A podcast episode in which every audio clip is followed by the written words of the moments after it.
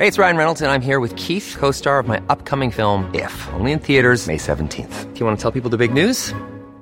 All right, I'll do. it. Sign up now and you'll get unlimited for $15 a month in six months of Paramount Plus Essential Plan on us. Mintmobile.com slash switch. Upfront payment of $45 equivalent to $15 per month. Unlimited over 40 gigabytes per month. Face lower speeds. Videos at 480p. Active Mint customers by 531.24 get six months of Paramount Plus Essential Plan. Auto renews after six months. Offer ends May 31st, 2024. Separate Paramount Plus registration required. Terms and conditions apply if rated PG. Hey, I'm Ryan Reynolds. Recently, I asked Mint Mobile's legal team if big wireless companies are allowed to raise prices due to inflation. They said yes. And then when I asked if raising prices technically violates those onerous two year contracts, they said, What the f are you talking about, you insane Hollywood ass?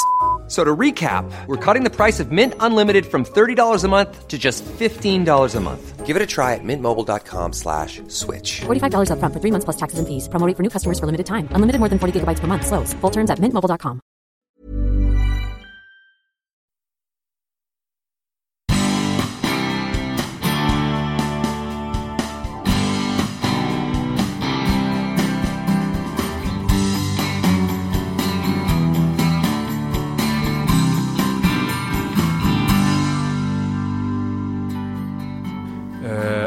Bibeln är helig för mig. Då säger jag bra, det fria ordet är heligt för mig.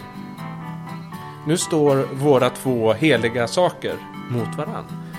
Du hävdar att din helighet är mer värd än min helighet. Medan den eh, schimpans som har tagit, lagt mycket tid på att knyta ihop gruppen så eh, sluts in i gruppen. Gruppen samlar sovhö på kvällen, hjälper honom med mat, tar hand om honom och han får vara en del i gruppen tills han dör. Medan den andra förskjuts. Så där är frågan, vem vill man vara när man inte längre orkade vara narcissist? För att ensamma män, svaga, svaga män kan man säga också då, som inte klarar att ta hand om sig själva blir farliga. Jon Eklöf föreslog i sitt mejlsvar på min inbjudan till podden att vi skulle diskutera ämnen som narcissistens död och medvetandet och varför vi är som vi är. Då insåg jag att det här samtalet skulle bli lite annorlunda. Så jag släppte helt enkelt sargen och tänkte, nu kör vi! I slutet kom vi överens om att vi likt jordekorrar hoppat ner i ett svart hål för att utforska diverse gångar och att vi till och med hittat en och annan mask på vägen. Dessa gångar för oss till samtal om varför vi människor inte gillar förändring, huruvida vi bör försvara koranbränning, Ebba Busch fråga om blodiga demonstranter varför det är så svårt att implementera AI i traditionella företag. Det hela kryddas med en ganska ingående diskussion om just narcissism och har blivit skapad utanförskap. Svårigheten att vara bra farsa samt varför Jon kom på idén att spela indiska trummor 20 timmar per dygn. Dessutom konstaterar Jon att advokat och marknadschef, det är ungefär lika tråkiga jobb. En notering. Vi vet att Ebba Busch bara heter Busch i efternamn. Men Tor åkte liksom med i samtalets hetta. Hoppas du är överseende med det. Så välkommen till två timmars berg och dalbaneåkning med Jon Eklöf.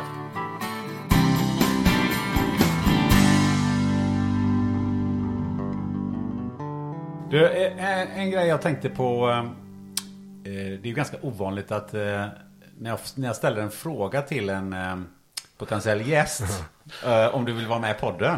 Så brukar inte jag få ett eh, svar som eh, jag fick från ett mejl som sa ehm, Ja, vilken, innan vi kastar oss in i det här, vilken Jon är det du vill lyssna till eller vill du prata med? Hur, ma- vilka Jonar finns det? Det finns massa olika. Ja, vilka är de? Eller det finns, jag tänker att det finns för alla människor olika. Det finns ju en yrkesperson som jobbar med olika frågor. Det finns en träningsjon som är väldigt intresserad av vad man kan göra med kroppen.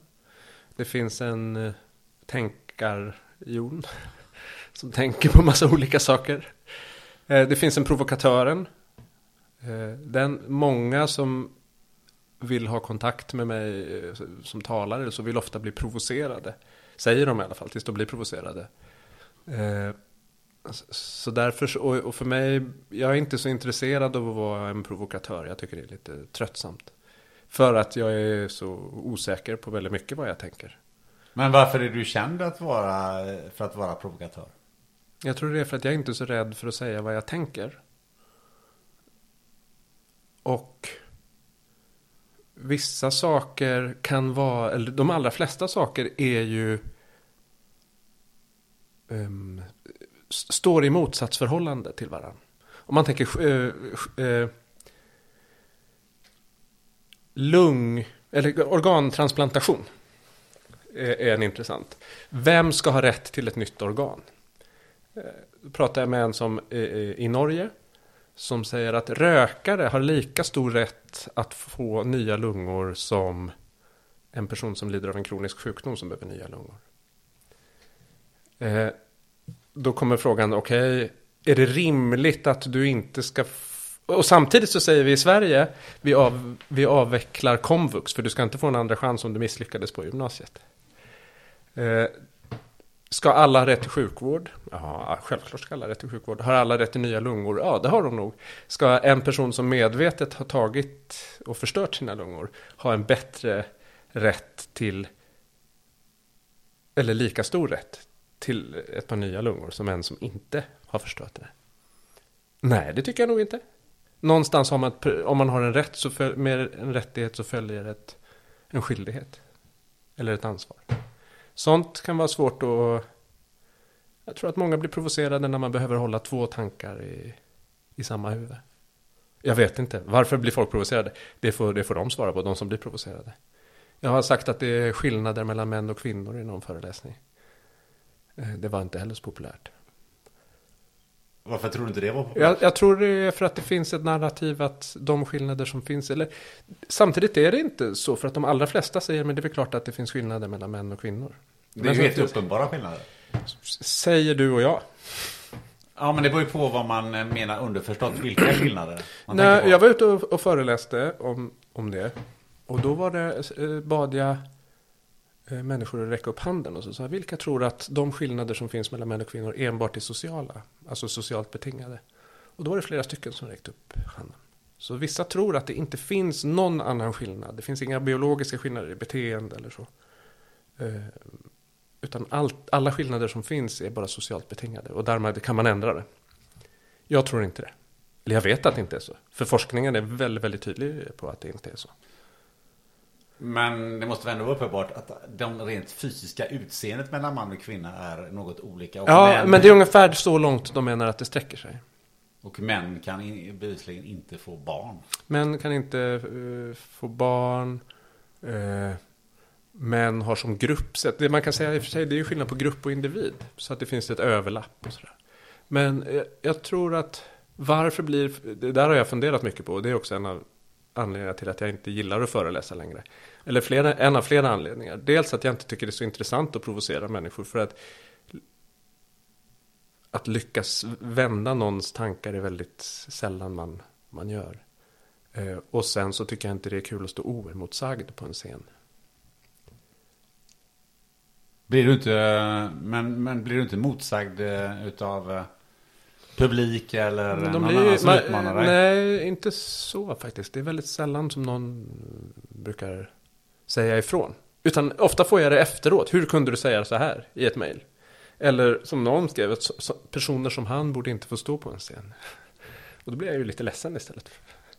Men är det inte det samtidigt lite där att eh, väcka andras tankar och eh, kanske eh, fundera i andra dimensioner och så? Är inte det ett, eh, ett sätt att göra det genom att provocera människor? Jo, men jag tror ändå inte provokation är... Jag vet inte hur effektivt det är. Jag har funderat mycket på hur får man människor att vilja ändras. Det finns ett, ett arabiskt ordspråk som är att om en, om en person säger att han har flyttat ett berg, eh, om en man säger att han har flyttat ett berg, tro honom. Om han säger att han har förändrats, tro honom inte. Jag tror inte människor är så benägna att förändras, eller vi är inte så benägna att förändras.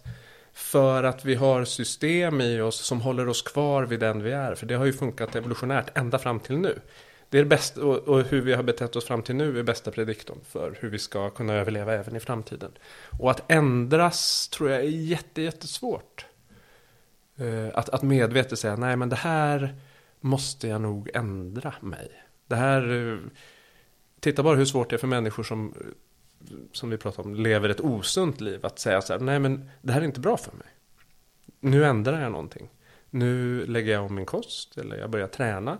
De allra flesta säger jag ska börja träna och så går de och köper ett kort på gymmet. Och sen så nöjer de sig där. För då har de tagit tillräckligt stora steg och det var tillräckligt smärtsamt. Trots att det de gör är uppenbart självdestruktivt. Ja, det, det har jag också funderat över rätt mycket på.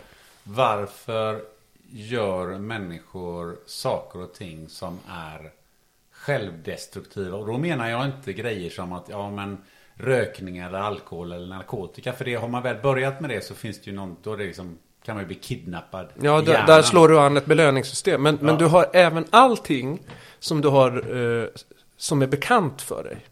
Slår an ett belöningssystem. Tittar man på vad eh, en numera död eh, neuropsykiater som heter Jack Panksepp skriver. Så säger han att allting som är bekant för oss eh, präntas in och ger ett, ett påslag i hjärnan av, av det här är bra och bekant. Stanna här. And it provides effective dictates that we've got no other options than to follow. Eller något sånt där. Eh, därför är det så svårt. För att det är belönande att vara i det bekanta. Och det är farligt. Det är ju potentiellt farligt att vara i någonting som är obekant. Men om, och därför tror jag det är provocerande. För det är egentligen, det kanske, nu kanske vi kan säga att det kan det vara en del av det. Att människor blir provocerade för när vi säger någonting som utmanar deras trygga vrå så säger vi egentligen du måste kliva utanför. Och där är det farligt. Och då säger de nej men där tänker jag det är ju farligt att gå ut där. Hur kan du ens säga att jag ska utsätta mig för en sån fara? Att behöva tänka annorlunda men eh, det måste ju då uppenbarligen vara farligare än att jag ser att det mitt beteende gör att jag blir eh, sjuk eller att jag är, lever kortare Mm. Men, tid. ja, men att det, jag... att du lever kortare tid, det, vet, är ju sen som du lever kortare tid. Nu lever du ju alldeles utmärkt. Nej, men lever ett sämre liv. Ja, men det, du har inget att jämföra med. Man kan ju jämföra med grannen. Du kan jämföra med grannen, men grannen är grannen. Grannen är ju inte du. Du har ju bara dina egna referensramar hela tiden. Och där är det svåra, tänker jag. Jag har ju flera gånger under livet tänkt, det här som jag gör, det är inte så bra. Nu behöver jag ändra. Och så änd- ändrar jag. Och där är jag ganska skoningslös mot mig själv. Att är det någonting som jag inte tycker är bra så ändrar jag. Men jag, jag intervjuade Magnus Lindvall två gånger som är hälsopsykolog. Och han säger, vi var inne på det här med eh, vaccinskeptiker och konspiratoriker och, och, och, och så vidare. Och han säger att det är, det är nästan omöjligt att omvända de här personerna. Precis. Och, och ju mer du talar om för dem att de är dumma i huvudet, desto mer sluter de sig och, och be- ser det som ett bevis på att de har rätt.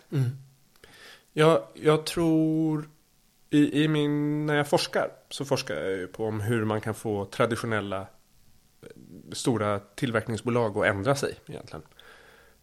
Eh, och då har jag tänkt mycket på den frågan. Hur får man människor att vilja ändra sig? Det finns en, en fransk filosof som heter René Girard som pratar om mimetik och att, om mimetiska modeller.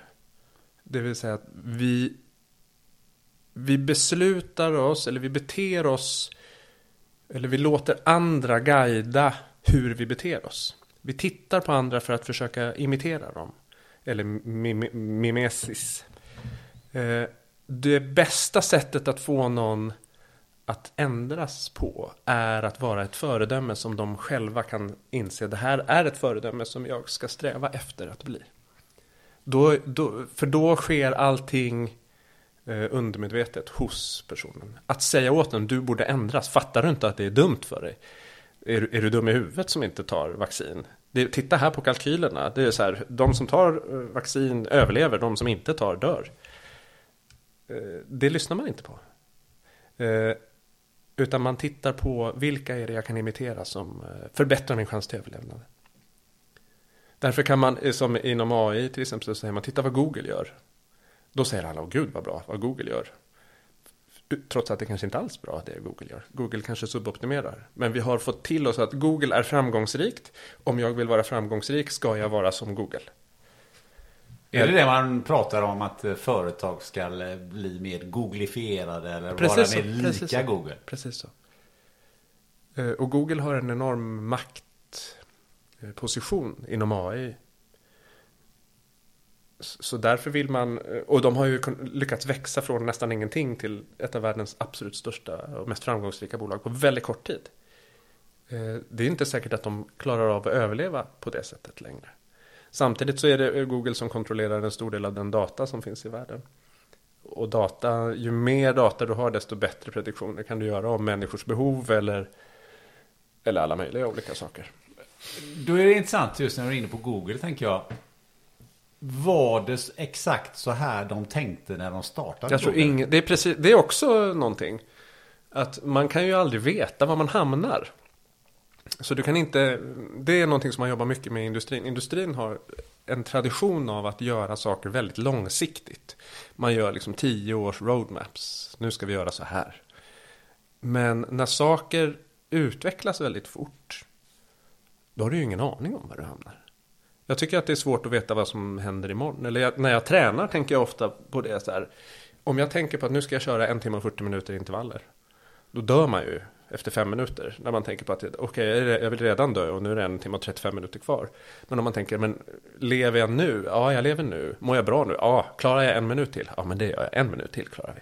Och sen bryter man ner det så. Och då är man ju på någon helt annan plats. När man kommer till en, minut och, en timme och 39 minuter. Än vad man trodde att man skulle vara. I början trodde jag att när det har gått en, en timme och 39 minuter så är jag död. Men när man kommer dit så mår man ganska bra. Eh, så att jag tror att allting behöver vi göra väldigt... Eh, vi vet inte vad som händer sen. Men, eh, men just att man startade Google som någon sorts sökmotor och så insåg att här ska jag samla på oss data. Ja.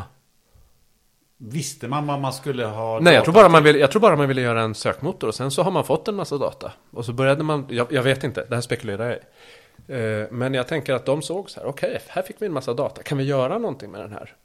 Och sen samtidigt så 2012 så började deep learning slå igenom som eh, tillät att vi började kunna processa större mängder data. Vi fick också hårdvara som klarade av att eh, supportera eh, större beräkningar. Och sen så har de spunnit vidare på det. De släppte en ny algoritm för en månad sedan ungefär som heter PAM, En språkprocessalgoritm. Som har 540 miljarder parametrar. Så de är mest kraftfulla som någon gång har och släppts eller använts. Och den kan den kan ju processa mängder data som är var otänkbart för eh, bara några år sedan. Men jag tror inte de hade det som plan då. Jag tror att de har eh, sagt, nu står vi här, vad kan vi göra nu? Vad blir outputen av den algoritmen? Outputen av den algoritmen vet vi inte heller riktigt. Där hörde jag en, en väldigt bra eh, tanke av en, en person som heter Eric Schmidt som var vd för Google mellan 2001 och 2011 tror jag. Han sa när vi talar om AI, framtiden om AI så är det ofta ganska dystopiskt. Folk kommer förlora jobben eller eh, det kommer kanske inte finnas några jobb kvar eller kanske hela mänskligheten blir utplånad för att vi får skapar en sån stark AI som helt enkelt utplånar oss. Så sa han, men när vi gör sådana prediktioner så gör vi som vanligt. Att vi försöker prediktera verkligheten utifrån var vi står idag. Och vi, vi ser heller inte hur AI i vissa avseenden har gjort oss enormt mycket mer kraftfulla på väldigt kort tid redan nu. Och när vi ser de nya algoritmerna som kommer så kanske de kommer kunna göra oss ännu mer kraftfulla som, som människa. Så att de kan förbättra våran intelligens eller förbättra våran kognitiva kapacitet eller så. Och då kanske det är en helt annan mänsklighet som står om ett tag. Om man inte har utplånat sig själva genom att skjuta massa eh, kärnvapen på oss eller få en, en pandemi eller så. Men också bara vår förmåga att ta fram nya vaccin till exempel eh, med, med covid var tack vare deep learning-algoritmer bland annat. Så att vi, vi står ju på en bättre plats och vi har verktyg som vi inte har haft och de verktygen kommer att förbättras och förbättras. Om Google nu tagit fram den här algoritmen. Hur kommer jag som, Mm. som människa eh, märka av det när jag googlar? Kommer det, Det, kommer, nej, det, är inte, det är inte en sån typ av... Det där är en intressant fråga för att de släpper inte API, eller de släpper inte tillgång till den här algoritmen till vem som helst. Eh, tidigare var det så att det var akademin som utvecklade saker, man forskade på saker och sådär. Eh, forskningen har flyttat in i bolagen. Eh, och bolagen väljer själva vilka de ger tillgång till de här resultaten. Det gör att om vi säger då att de här nya verktygen kan göra oss kognitivt starkare och så. Och det är vissa bolag som bestämmer vilka ska, som ska få tillgång. Så riskerar det såklart att skapa en, ett A och ett B-lag. Eller en, en teknokrati som som eh, är, långt, långt före eh, de som inte har tillgång till dem. Men det intressanta är att det har skett ett skifte för att först så utvecklade, om man tittar på deep learning eh, enkelt. Så först så utvecklade akademin deep learning ramverk som man kan använda, programmeringsramverk. De släppte man så att de blev publika. Sen så kom eh, Google och Facebook in och också började ta över utvecklingen, utvecklade TensorFlow eller PyTorch eller så. Eh, och började också släppa dem. Så att, och det gjorde att den tekniska utvecklingen kunde ta ordentlig fart. Det har varit en, en enorm utveckling de senaste tio åren. Men sen helt plötsligt då så har, har och det ledde ju till en demokratisering av AI. Nu kan vem som helst, till och med jag som är helt värdelös på att programmera, kan programmera saker som för bara 5-6 år sedan krävde att du var eh, doktor eller professor i matematik eller programmering. Kan jag göra nu på fem rader kod. Så det är en, en fantastisk, eh, man, man, vi kallar det i en artikel abstraktionsexplosion. Att vi har fått tillgång till en abstraktionsnivå som är fantastisk. Men nu ser vi en tillbakagång där företagen tar tillbaka makten genom att använda all den här tekniska utvecklingen som har skett till att bygga ännu mer avancerade saker. Men de släpper de inte. Och då får du en koncentration av makten till ett fåtal spelare. Eh, som har helt andra intressen. Eller vi vet inte vilka intressen de har. Men vart kommer det att leda då? Jag har ingen aning. Om jag visste det så hade jag nog eh, köpt aktier i det. Jag visste att det skulle... Ja, men vad tror du att det kommer leda till? Eh, kanske inte just bolagsmässigt, men mera människo mässigt? Jag tror att vi kan... Jag kan nog gissa det lika bra som någon annan. Uh, ja... Kanske får vi en A, ett A och ett B-lag. Men det har vi redan idag. A och ett B-lag i form av människor? I, i form av människor. Uh, klyftorna ökar. Ett fåtal håller en väldigt stor del av världens rikedom. Jag tänker att man kanske får, också får en kognitiv A och B-lag. Där de som är kognitivt starka blir ännu starkare. Och de som är kognitivt svaga blir ännu svagare. Vad är, vad är kognitivt starkt? Alltså förmågan, förmågan att, att tänka då, kan vi säga. Jag vill inte säga intelligens, för det blir så begränsande. Men förmågan att lösa problem, kan vi säga så? Det tänker jag att det, det möjligen skulle kunna, kunna leda till. Det, om man säger, man kan jämföra med, med mat. Om du inte äter så utvecklas inte hjärnan optimalt. Och då blir du dummare. Medan om du får bra käk så utvecklas hjärnan bra. Och då blir du, eh, kan du ha lättare att uppnå din fulla potential. Trots att båda personerna kanske hade samma potential. Från början så hamnar de på olika platser. Om vi tänker att te teknologi blir som mat. Så vissa får äta och vissa får inte äta. Och sen så spär du på det dessutom med att vissa faktiskt på riktigt inte äter och andra äter. Så får du ett, ett A och ett B-lag. Eller en överklass och en underklass. Och polariteten där kan ju skapa motsättningar. När de som inte har det lika bra ser att de som har det bra har det så in i helvete bra. Så skapas ju motsättningar. Motsättningar resulterar i krig eller folkvandringar.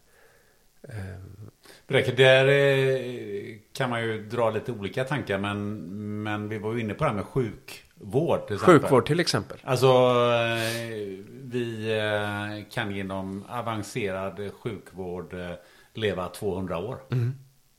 Men det är bara de som har tillgång till den precis, sjukvården. Precis så. Eller, eller bara titta i USA, allmän sjukvård eller inte allmän sjukvård. Allmän eller helt privat, privatiserad som är försäkringsbaserad. Skapar ju också ett A och ett B-lag. Eller min mamma satt i Indien en gång eh, på ett hospice där det låg en flicka med punkterade lungor och höll på att dö. För att hennes föräldrar hade inte råd att ta henne till, till doktorn. Det var en ganska okomplicerad operation men de hade inga pengar. Alltså hela, hela teknologiexplosionen i Indien bygger ju på att de faktiskt har fått mat och inte behöver jaga mat längre. Mhm. Utan de, de faktiskt kan ägna sig åt att eh, tänka. Vilka väl. Mhm. Delar vi av dem. Delar det, av det är enormt eh, splittrat land där du har en jätterik överklass. Men vart jag vill komma är liksom, har vi, kommer det bli världen som kommer bli splittrad? Eller kommer länderna att bli splittrade? Vad tror du? Nej men i fallet Indien så skulle jag kunna tänka, fallet med fallet Sverige skulle jag kunna tänka mig att, att det blir ett A och ett B-lag i. Jag kan tänka mig I landet? det också. För varför skulle man inte kunna... Men, men eh, det kan bli ett, ett A och ett B-lag i landet. Samtidigt så är det så att det är få i Sverige som inte har mat. Eh, Om du jämför med Sydsudan till exempel. Eller Ekvatorialguinea eller så. Där finns det inte käk ens. Eller Mauritanien. Eh, Mauritanien har ju fortfarande en öppen slavhandel till exempel. Då blir det såklart inom länderna men det blir också mellan kontinenter. Afrika är fortfarande väldigt, väldigt fattigt trots att Kina trycker in väldigt mycket pengar. Väldigt mycket infrastruktur eller så. Men utbyte mot att ta deras råvaror. Vilket kanske innebär att det enda de har gjort är att köra in en dräneringsslang som dränerar landet på resurser. Under förespegling att ni får det bättre. För de får det bättre. Men inte så bra som de hade kunnat få. Och sen har eh, Afrika andra utmaningar med, med eh, motsättningar mellan grupper och sådär. Som är väldigt svåra att överkomma. Också en brain drain. Att de bästa flyttar ofta därifrån för det finns ingen framtid. Men om vi tar Sverige då. Eh, Du sa att Mauritanien hade en öppen slavhandel.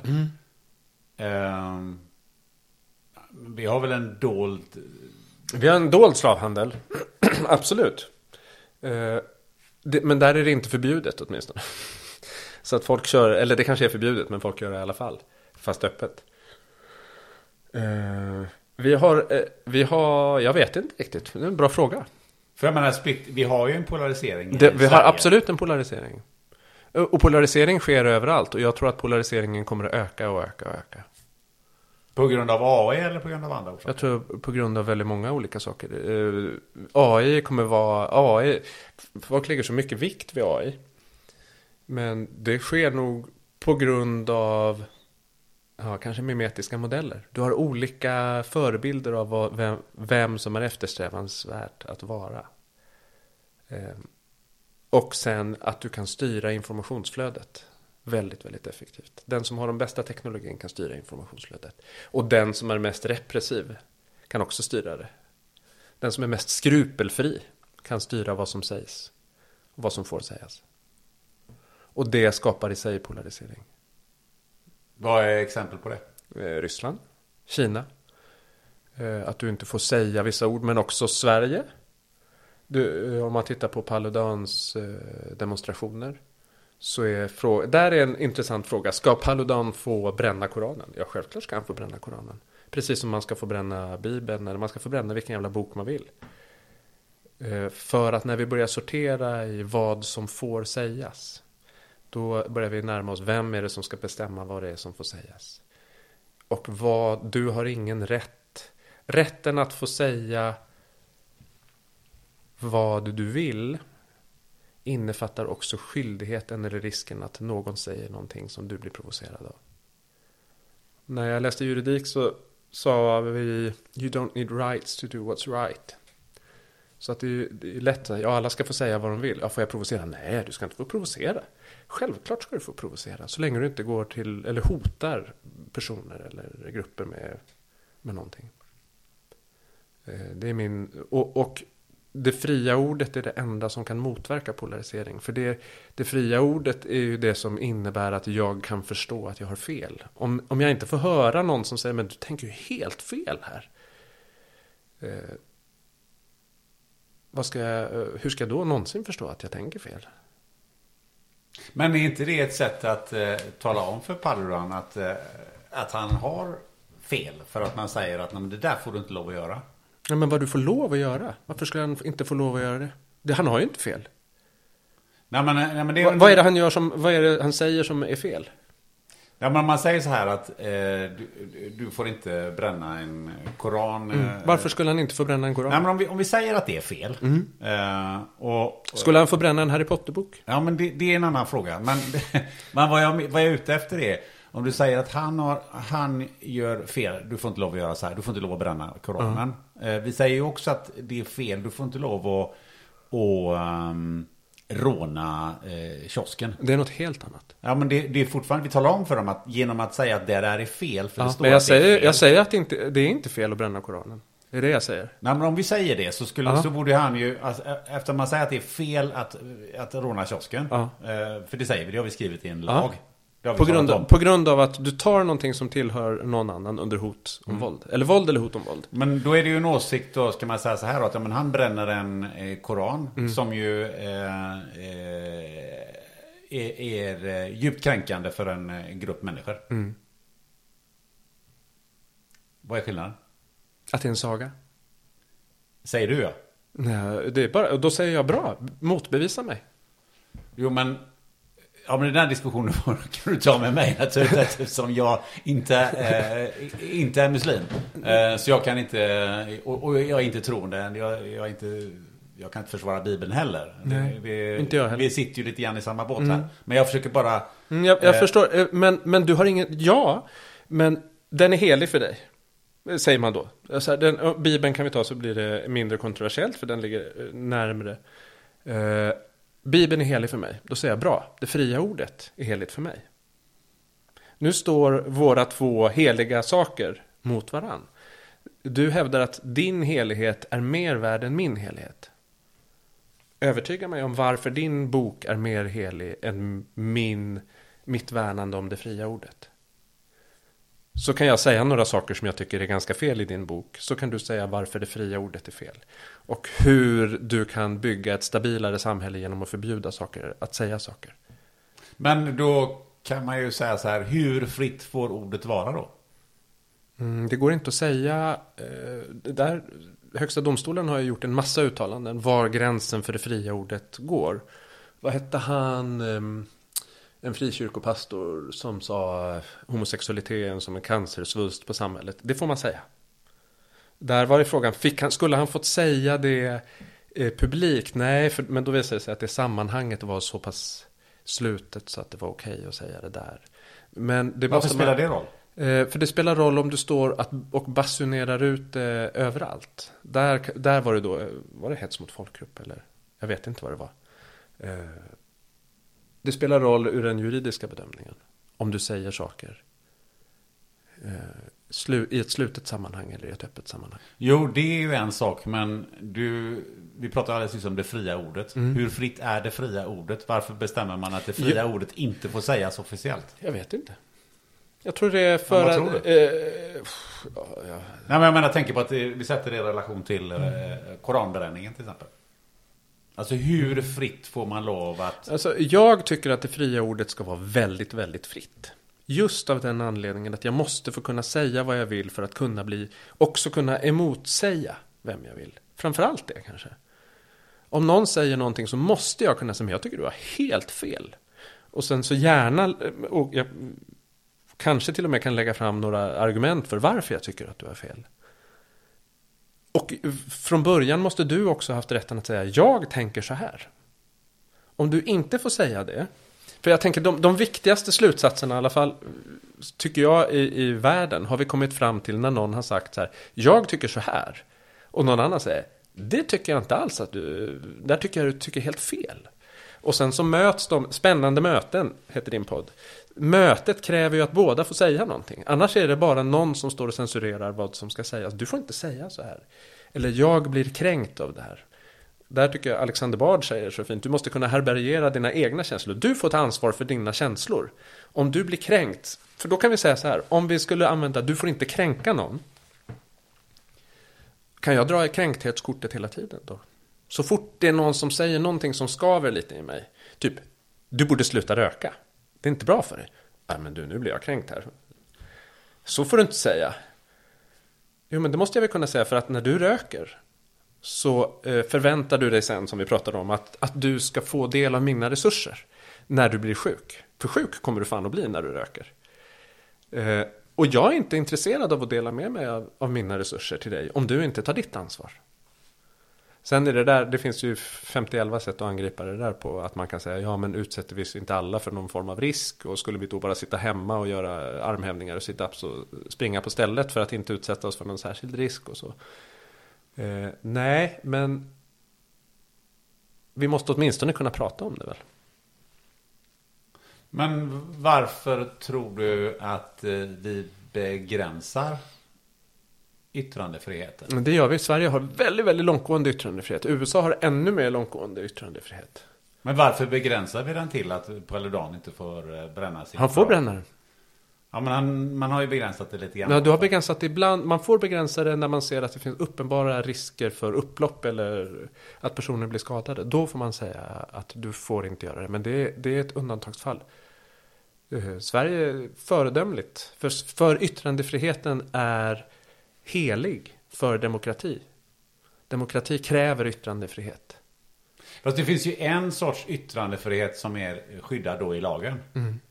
Men det finns ju en begränsning i yttrandefriheten som är mycket större i, i det sociala sammanhanget. Mm. Och där har vi ju det här eh, att eh, man säger att... Ja, du får skit du- för att du säger något. Ja. Nej, inte bara skit utan du får, eh, du får någon säga till dig, det där får du inte säga. Då blir jag kränkt. Mm. Som du sa precis nu. Precis. Eller eh, Ebba Busch Thor som säger eh, någonting och sen så, eh, där kommer det som kallas cancel culture in. Eh, att du, du säger, eftersom du sa sådär så ska, får du inte vara med mer. Det Girard säger om mimetik är att... Vem är Gerard? Eh, förlåt, eh, fransk filosof. Eh, som pratar om mimet, mimetik. Eh, säger att väldigt snabbt om, om någon... Vi vill gärna tillhöra de goda mimetiska modellerna. Och tvärt emot det då så eh, vill vi gärna ut, hitta den gruppen som är dum. Alltså scapegoating. Eh, och om man ser hur snabbt folk sluter upp bakom en person som anses vara god och vänder sig mot den som är eh, eh, då ond. För, för att när du tillhör den goda gruppen så vet du åtminstone att du inte är ond. Eller gruppen kommer inte att attackera dig. Eh, så det är ju den sociala kontrollen och en vidrig form av det är ju egentligen mobbing. Någon säger någonting och vad gör vi då? Jo, då utesluter vi. vi. Vi förskjuter den för du får inte vara med här för att du provocerade oss. Du, du rubbade vår världsbild och sa någonting som vi inte tyckte om.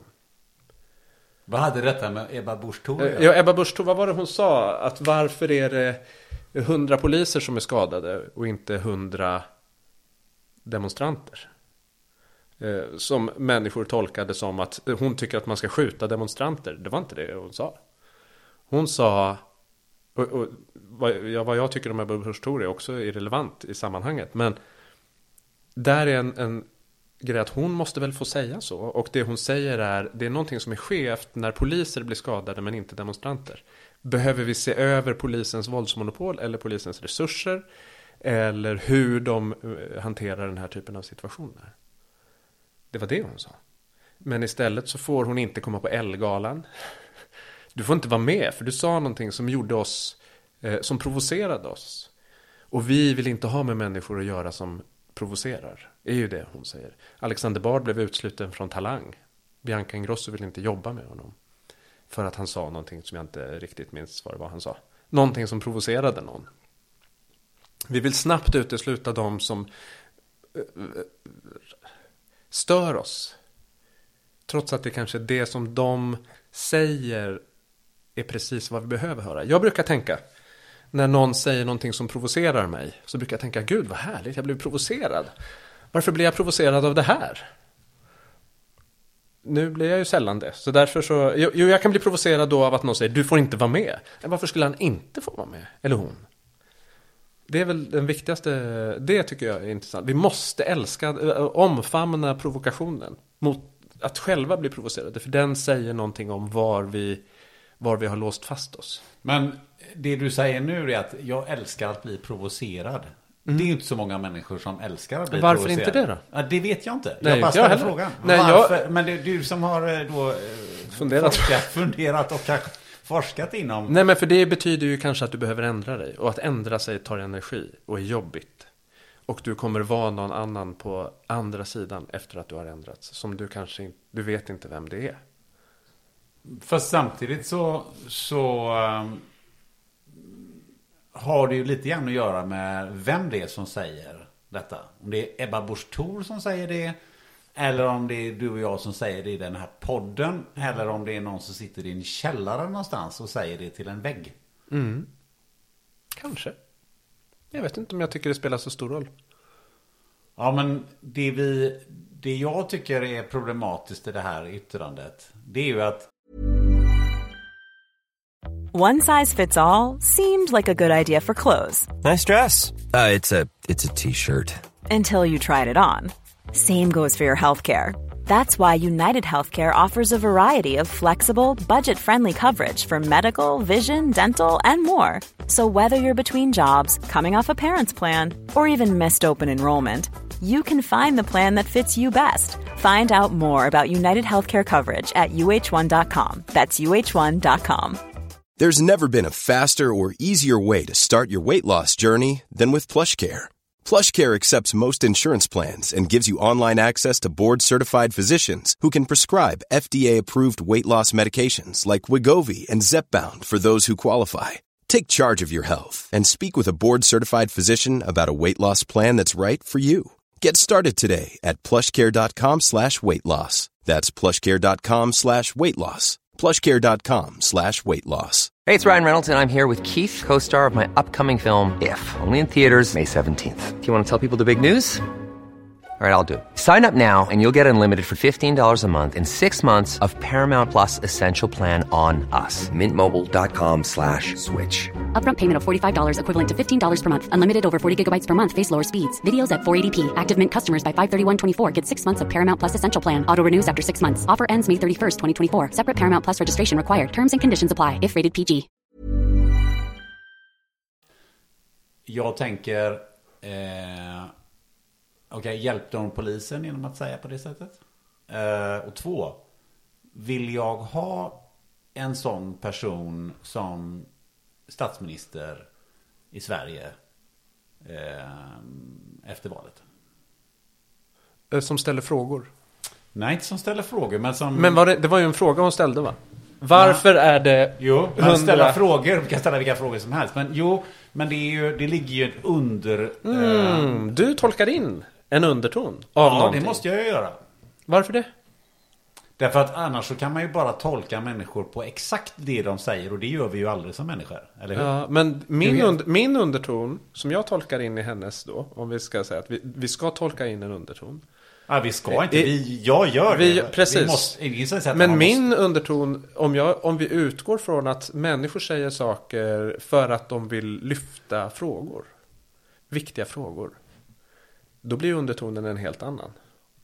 Och där är faran att börja tolka människor och lägga till sina egna undertoner, eftersom våra egna undertoner är fyllt av våra egna rädslor och erfarenheter.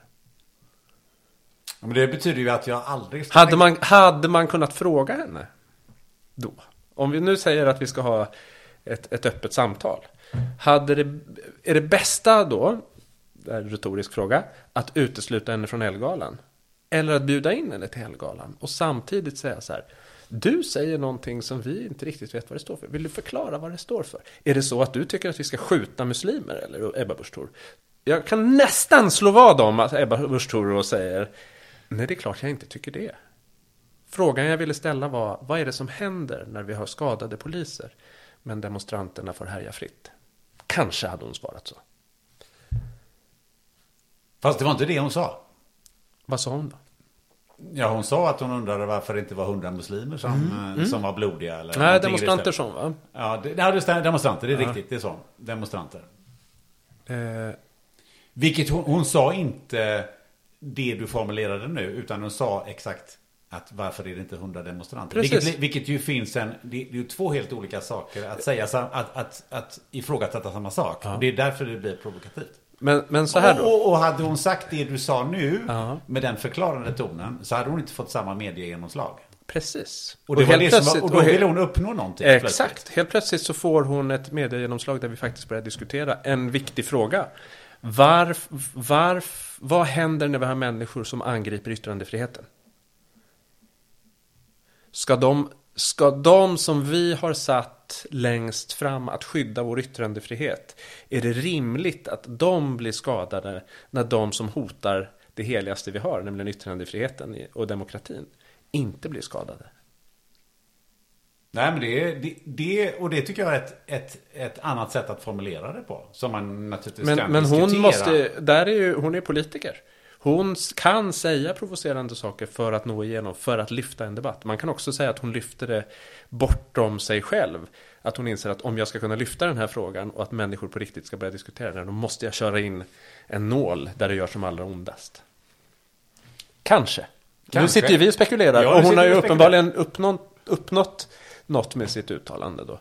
Men det viktigaste tycker jag är att okej, vi har människor som angriper det heligaste eh, demokratin vilar på yttrandefriheten. Alla ska få säga vad de vill. Var, vad gör vi när, de, när den eh, grundläggande heligheten är eh, hotad? Hur förhåller vi oss till det? Hur, vad gör vi med de som hotar den? Det är klart att, vi, att det är ju en grundläggande eh, rättighet vi har i Sverige. Men samtidigt kan man ju säga så här att skall vi, eller skall, inte vi, utan skall en politiker i ledande ställning naturligtvis ha rätt att säga precis vad vederbörande vill. Ja. Men också kanske måste tänka ett steg längre och säga så här. Säger jag så här så eh, spär jag på det jag egentligen inte vill ha i landet, nämligen polarisering. Var, varför skulle det här vara polariserande? Därför att det retar upp eh, en grupp människor, eh, det, det retar upp polisen för de tolkar det som att eh, vi, ska, vi ska skjuta människor, vi ska skjuta, skjuta på de här demonstranterna. Och demonstranterna blir jävligt förbannade och säger så här, "Ha, Ska man använda, använda ännu mer polisvåld mot oss? Det vill säga att du, du delar de här grupperna mera. Och ska du göra det som en politiker som kanske kan bli statsminister, nu tror jag inte hon kommer att bli det i och för sig. Det, det, det känns för mig som sitter där och tänker så här. Mm, blir det här bättre för Sverige? Oavsett om jag nu provocerar eller inte. Den tanken tänker jag i alla fall.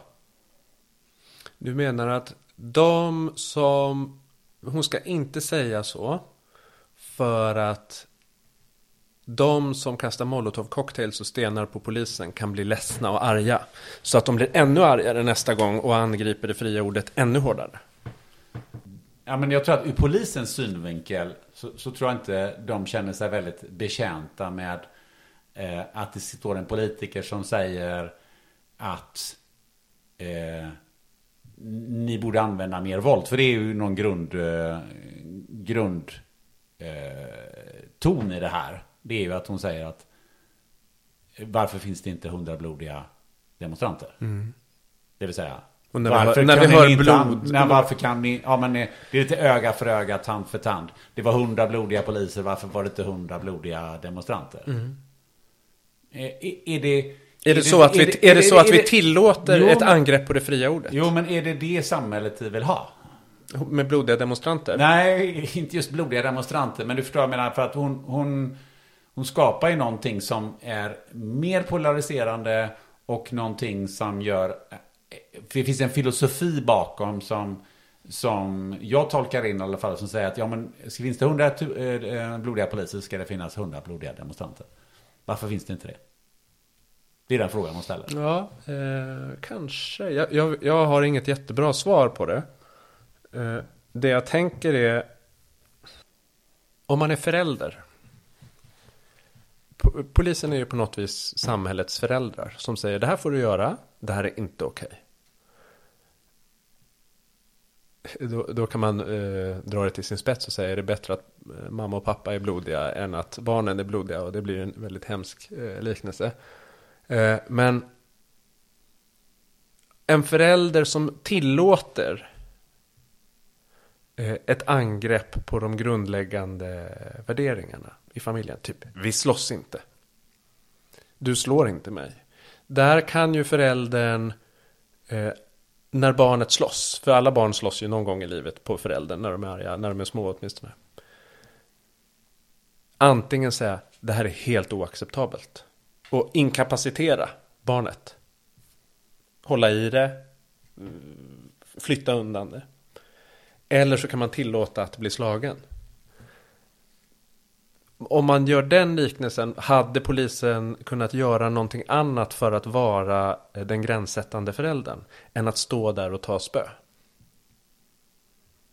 Ja, det är ju mer en fråga om hur polisen arbetar. Och det, Ja, precis, det- och det är väl en jätteviktig fråga. Hur arbetar polisen med att visa det är vi som har våldsmonopolet, inte ni?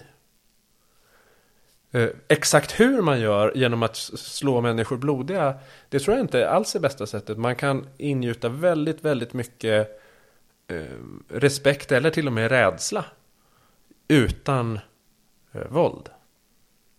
Men vår, det du säger nu, Mm. Är det inte det som man som politiker eller ledande politiker borde ha sagt istället? Eller så har så många sagt det nu för att det har pratat så mycket om hennes uttalande. Så att det, det är fler som har sagt det så att den typen av tankar får större genomslag. Memes. Ja, kanske. Jag vet inte. Men du, Mm. eh, låt oss lämna den här diskussionen. Lämna Ebba. Eh, ja, lämna, låt oss lämna eh, Ebba eh, för en stund. Mm. Du nämnde för ett tag sedan här att du forskar inom ett område som du formulerar som jag, någonting i, Ja, men- stil med att Hur, hur man introducerar AI i tillverkningsorganisationer forskar jag på. Just Fast det är datavetenskap. Ja. Ehm, Från ett tekniskt, eh, organisatoriskt och samhälleligt perspektiv. Just det. Och då kom vi in på det här med att eh, vi vill inte förändras. Eh, Nej. Och, och, och, det jag var lite nyfiken på var, men, men i din forskning, vad är det du har kommit fram till? Eh, jag har kommit fram till att det här är väldigt, det är väldigt sådär forskartorrt det jag har kommit fram till. Men jag har kommit fram till att det finns en stor potential att använda AI. Men att den är i, till väldigt stor del outnyttjad. Det finns en dansk studie som visar att bara 3% av danska bolag använder AI.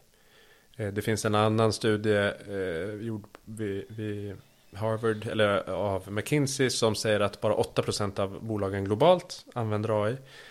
Eh, väldigt få tillverkningsorganisationer använder det på bred skala. Man har det på enstaka processer eller enstaka områden bara. Mm.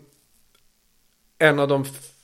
Det, det är en teknisk utmaning att få till det. För man behöver organisera datan på ett sätt som gör den tillgänglig. Och det har väldigt få organisationer gjort historiskt. Så det är ett stort jobb att transformera det. Eh, men sen en an, ett annat stort hinder är ledarna för organisationerna. För att de saknar kunskap om vad teknologin kan göra för dem. Eh, och de är ibland ovilliga att förändra sina sätt att jobba. Och det ska de vara. För att det sätt som de jobbar nu har tagit dem dit de är idag. Eller företagen. Och det kommer sannolikt att kunna fortsätta ett tag till. Det gör att man behöver balansera det nya. Eller man behöver eh, behålla det gamla och samtidigt ha det nya. Du behöver äta kakan och ha den kvar. Och det är väldigt, väldigt svårt. Och om man dessutom inte har full förståelse för vad det innebär så eh, blir det extra svårt. Till det, det här är ju då eh, tre års jobb sammanfattat på ett par minuter. Eh, så kommer att den tekniska utvecklingen går så fort. Att, att hänga med i en teknisk utveckling som rör sig väldigt fort. Eh, när du har en kultur som är gjord för att vara stabil och långsam och värna om best practices. Eh, det är supersvårt. Eh, Så vi har, kunnat, vi har försökt kvantifiera hur fort utvecklingen går. Och bara på 5-6 år så har antalet rader kod som krävs för att göra en viss typ av modeller eh, reducerats med 67 procent. Eh, Det gör att, att hänga med i utvecklingen samtidigt som du försöker behålla det gamla, samtidigt som du försöker introducera det nya som hela tiden förändras. Och du inte riktigt vet vad det är. det gör det eh, jätte, jättesvårt. Ungefär så har vi, det har vi kommit fram till. Den här industrin då som har gjort det de alltid har gjort under hundra år ibland. Eller, Mm. Ja, flera hundra år. Eller flera hundra år en del till och med. Ehm, och gjort det framgångsrikt. Eh, med det du säger kommer resultatet att bli att de här bolagen behöver gå i graven och det behöver komma nya bolag som har ett helt, en helt annan organisation och en helt annan eh, modell och, ett helt an, och börja om från början. Eller kommer de här bolagen att ha någon sorts förmåga att ta till sig den här snabba utvecklingen? Jag vet inte, jag vill ju tro att man kan ändras. Alltså även som människor, även om vi är ovilliga. Organisationer är ju som människor i del. Att även om man har en ovilja mot att förändras så är det inte omöjligt att förändras. Och där handlar det då om att förändra organisationen inifrån. Så när, när jag jobbar så försöker jag göra det genom att visa, lev förändringen eller visa potentialen i förändring. Var en mimetisk modell. Var den som folk eftersträvar att var, visa värdet vad, vad som finns. Då följer människor själva efter. Eh, men att diktera för att nu ska vi ändras här för det är så himla bra för oss kommer inte att funka. Eh, kom, jag tror att det kommer vara både och. Jag tror att vissa företag kommer att slås ut och ersättas av andra. Och jag tror, eller hoppas, jag tror också att eh, en del kommer lyckas ändras. Men det går ganska trögt för alla. Det är också någonting som är positivt. Så det, det är svårt för att det finns heller ingen att imitera. Det finns inget tillverkningsbolag till exempel som har riktigt lyckats med en digital transformation. Så därför är det ingen riktigt som vet. Och det gör att alla måste ha sin egen, alltså ge sig av på sin egen resa för att försöka upptäcka vad som funkar för dem. Och sen finns det heller i forskningen väldigt lite exempel. Trots att det finns några forskare som uttalar sig väldigt, väldigt säkert. Så när man börjar titta, vad har du för underlag för vad du säger? Så har de så, ja ah, men jag jobbat lite på ett bolag här. Visserligen ett väldigt stort bolag. Men, men de uttalar sig mer säkert än vad de kanske borde göra. Men är det så att vissa människor, typ Elon Musk, är det de som, som är de bärande personerna som borde vara de som förändrar de här Han är väl en typisk eh, sån modell som vi försöker Vi ser SpaceX till exempel som har slagit sig eh, in i rymdbranschen på väldigt, väldigt kort tid För att han itererar Alltså kortsiktigt, vi, vi, vi testar det här, vad bra vi misslyckades. Gud vad bra att vi misslyckades, vad har vi lärt oss av det här misslyckandet? Eh, i traditionell industri är det oftast farligt att misslyckas. Du får inte misslyckas. Så du försöker planera dig bort från misslyckandet. Och eftersom teknologin rör sig så fort eh, och allting är nytt och alla utforskar så måste du tillåta dig att misslyckas. Vi kan ju inte säga till våra barn så här, nej du får absolut inte misslyckas. Allt ska vara perfekt från början. Men med det sagt så är det ju så att Elon Musk, om han hade befunnit sig på Volvo eller Mercedes eller någon av de här eh, företagen. eh, Och sagt det han hade gjort, eller gjort det han hade gjort, så hade han ju åkt ut. Kanske. Och då undrar jag, den här typen av människor, måste de starta egna bolag? Eller kan de utveckla det de gör? Vi vet ju inte om han hade blivit utkickad. Vi antar, eller jag vet inte alls. Jag, jag kan ingenting om alltså hur... Han har ju alltid, för det första så tjänade han ju svin mycket pengar redan från början. För att han vågade testa saker, så han har ju en entreprenöriell anda.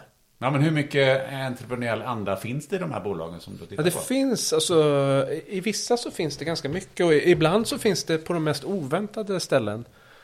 Eh, företag som man tror ska vara jättekonservativa har en liten klick med människor som tillåts vara utforskande. Och det har visat sig vara ganska framgångsrikt koncept att man, man kallar det en hubb. En, en grupp med människor som man låter tillåter att utforska och misslyckas. Och man investerar, man, man jobbar kortsiktigt så att man gör så små investeringar så att det, det är inte så farligt om man förlorar dem. Och på så vis kan man få till en ganska snabb förändring. Som sen kan sprida sig ut i resten av organisationen. Men jag tänker hur många eh, eh, Kodak och Facit tror du ändå att vi kommer att se närmaste tiden? Jag, jag vet faktiskt inte. Det där har jag funderat på. Eh, det hänger på om man vågar säga Håller det här eller behöver vi ändras? Vad ska vi göra? Och om man säger det funkar nog ganska bra som det är. Låt oss behålla det som det är. Då åker man ut. Du nämnde förut att du eh,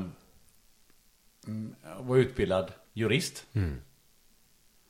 Och då funderar jag på hur, hur hamnar du i att forska om AI från att vara jurist och till och med advokat? Mm. Ett kort tag var jag advokat. Eh, sen gick jag in i bolag. Jag hamnade där för att jag har jag är ganska lätt uttråkad. Och när jag hade jobbat som jurist ett tag så tänkte jag det här var ju skittråkigt. Det är samma typer av frågor bara med olika mössa på sig varenda gång. Hur då? Ja, det kommer ett avtal. Eller vi, vi har en twist eller... Och så bråkar man om ungefär samma saker. Du har lovat mig det här. Nej, du lovade det här. Det är ju alltid det tvister handlar om. Vi trodde ju det var det här. Ja, men vi trodde det var det här. Och så ska man bråka om vem som hade mest rätt. Eller man går in i en avtalsförhandling och sen så vet man vi kommer hamna ungefär här men så ska man ändå sitta och traggla igenom de där dagarna. Eh, och jag tyckte det blev enformigt och ostimulerande efter ett tag. Men eh, vad var det som lockade dig från början då? Hade du inte koll på det när du Nej, läste? jag eh, höll på med musik innan.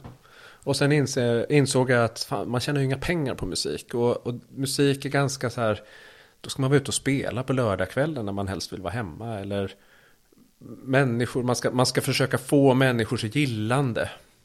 Och där hade jag alltid väldigt, jag är enormt dålig på att sälja mig själv. Just sådär, för att sälja går ju ut på att folk ska gilla en. Och tänk om man vill inte alls bli gillad då, eller tänk om man inte blir gillad. Och rädslan för att bli avvisad och så. Eh, men så då blev jag inte musiker. Eh, Och sen höll jag på med en sån nischad musik också, så det skulle man aldrig tjäna en enda spänn på. Vad var det för musik? Jag, på, jag håller, håller på fortfarande med indisk, nordindisk klassisk musik.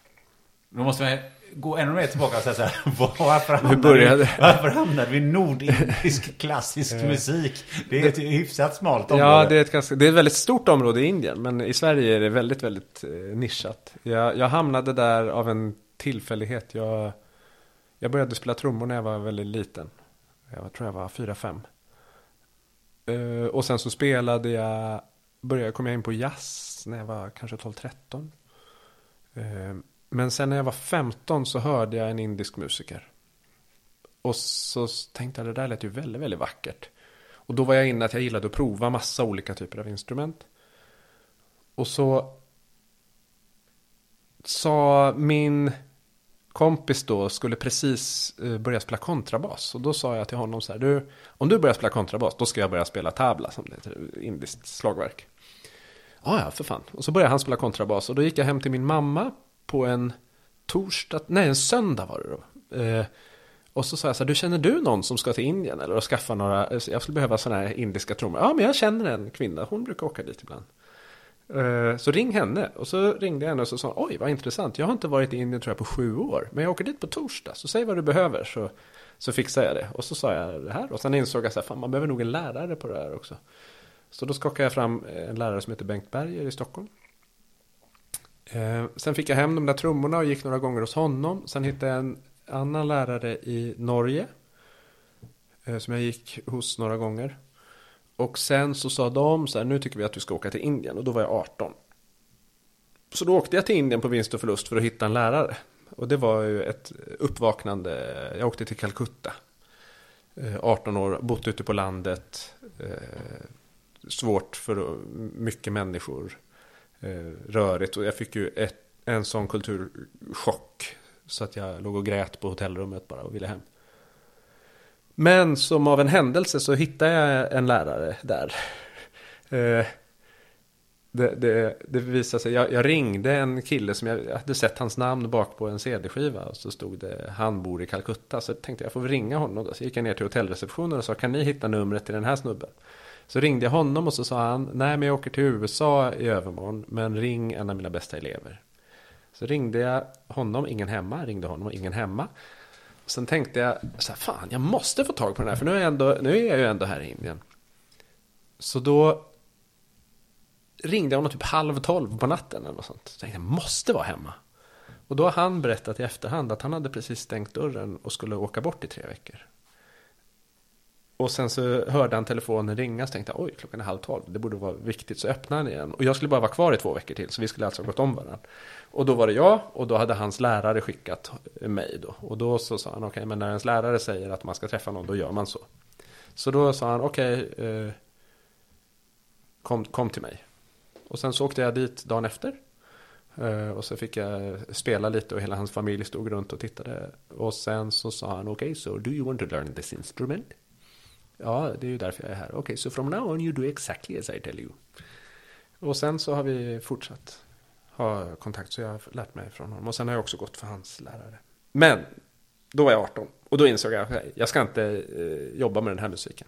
Nej, det är väl lite svårt att, att tjäna pengar på det där. Ja, det är det. Särskilt i Sverige. Särskilt i Sverige och sen så har man en konkurrens från Indien som är ganska... De är väldigt duktiga. Där de börjar när de är väldigt, väldigt unga och dedikerar hela sitt liv åt att bli väldigt, väldigt bra. Eh, så då så var jag lite vilsen. Och då sa människor runt omkring mig du skulle bli en fantastisk jurist för du är bra på att snacka för dig själv. Och då hade jag eh, kanske inte lagt min själ i gymnasiet. Eh, jag hade skolkat väldigt mycket. Så fick jag läsa in gymnasiet på komvux.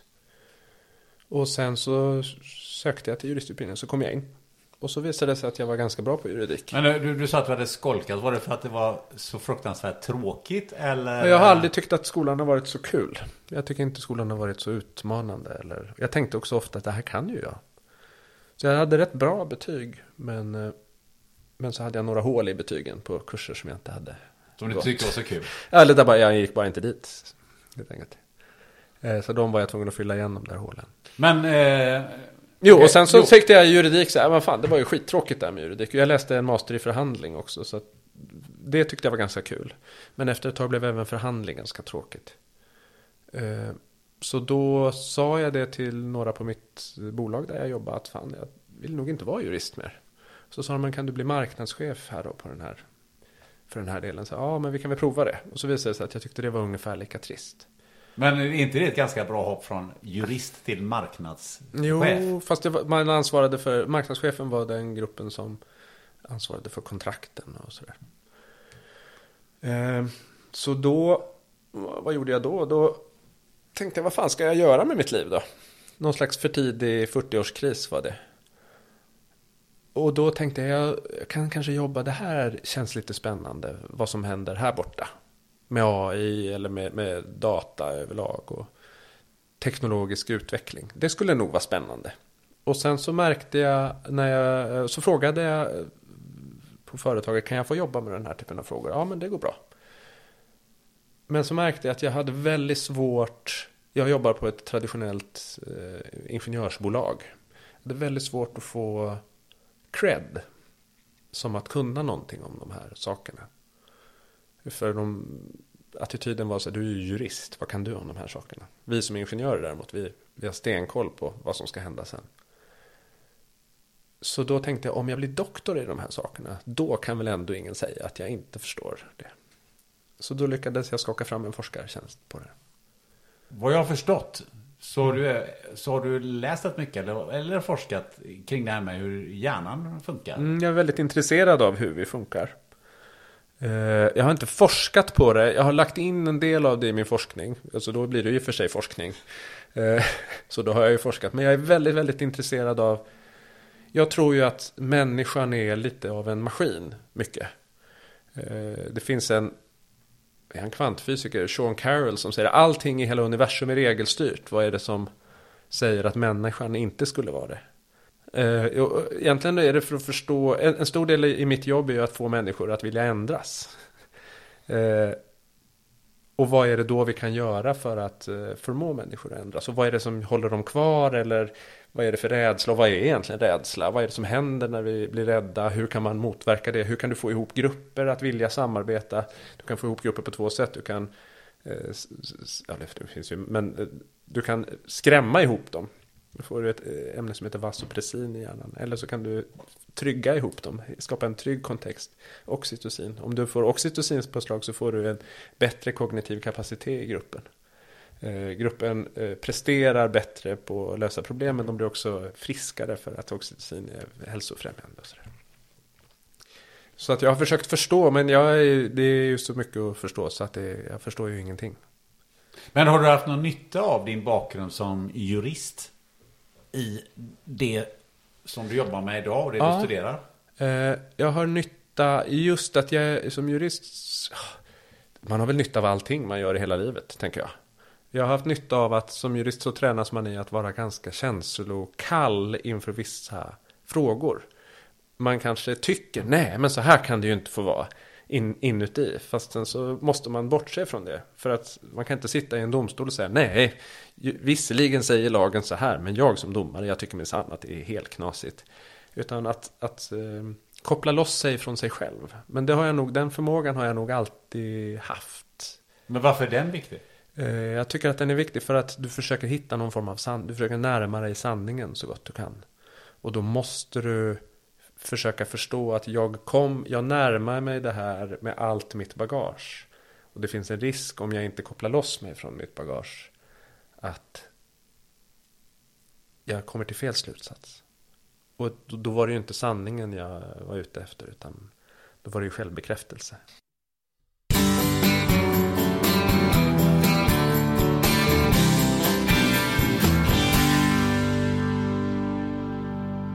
Den här podden sponsras av Life Genomics, ett kliniskt laboratorium i Göteborg som bland annat erbjuder covid-tester. Har du precis bokat en resa på kort varsel och behöver PCR eller antigentest för covid-19? Ja, då kan du gå in på coronapassport.se för att hitta en vårdgivare i din närhet och boka en tid för test och friskhetsintyg. Life Genomics har samarbete med kliniker över hela Sverige. Om du reser från Arlanda eller Landvetter så kan du även testa dig direkt på flygplatsen vid Life Genomics Lab i samarbete med vårdgivaren Express Care. Där kan du få ett antigentest med reseintyg inom 30 minuter och ett PCR-test och reseintyg inom 2 till 4 timmar. Gå bara in på expresscare.se och boka din tid direkt. Tack Life Genomics!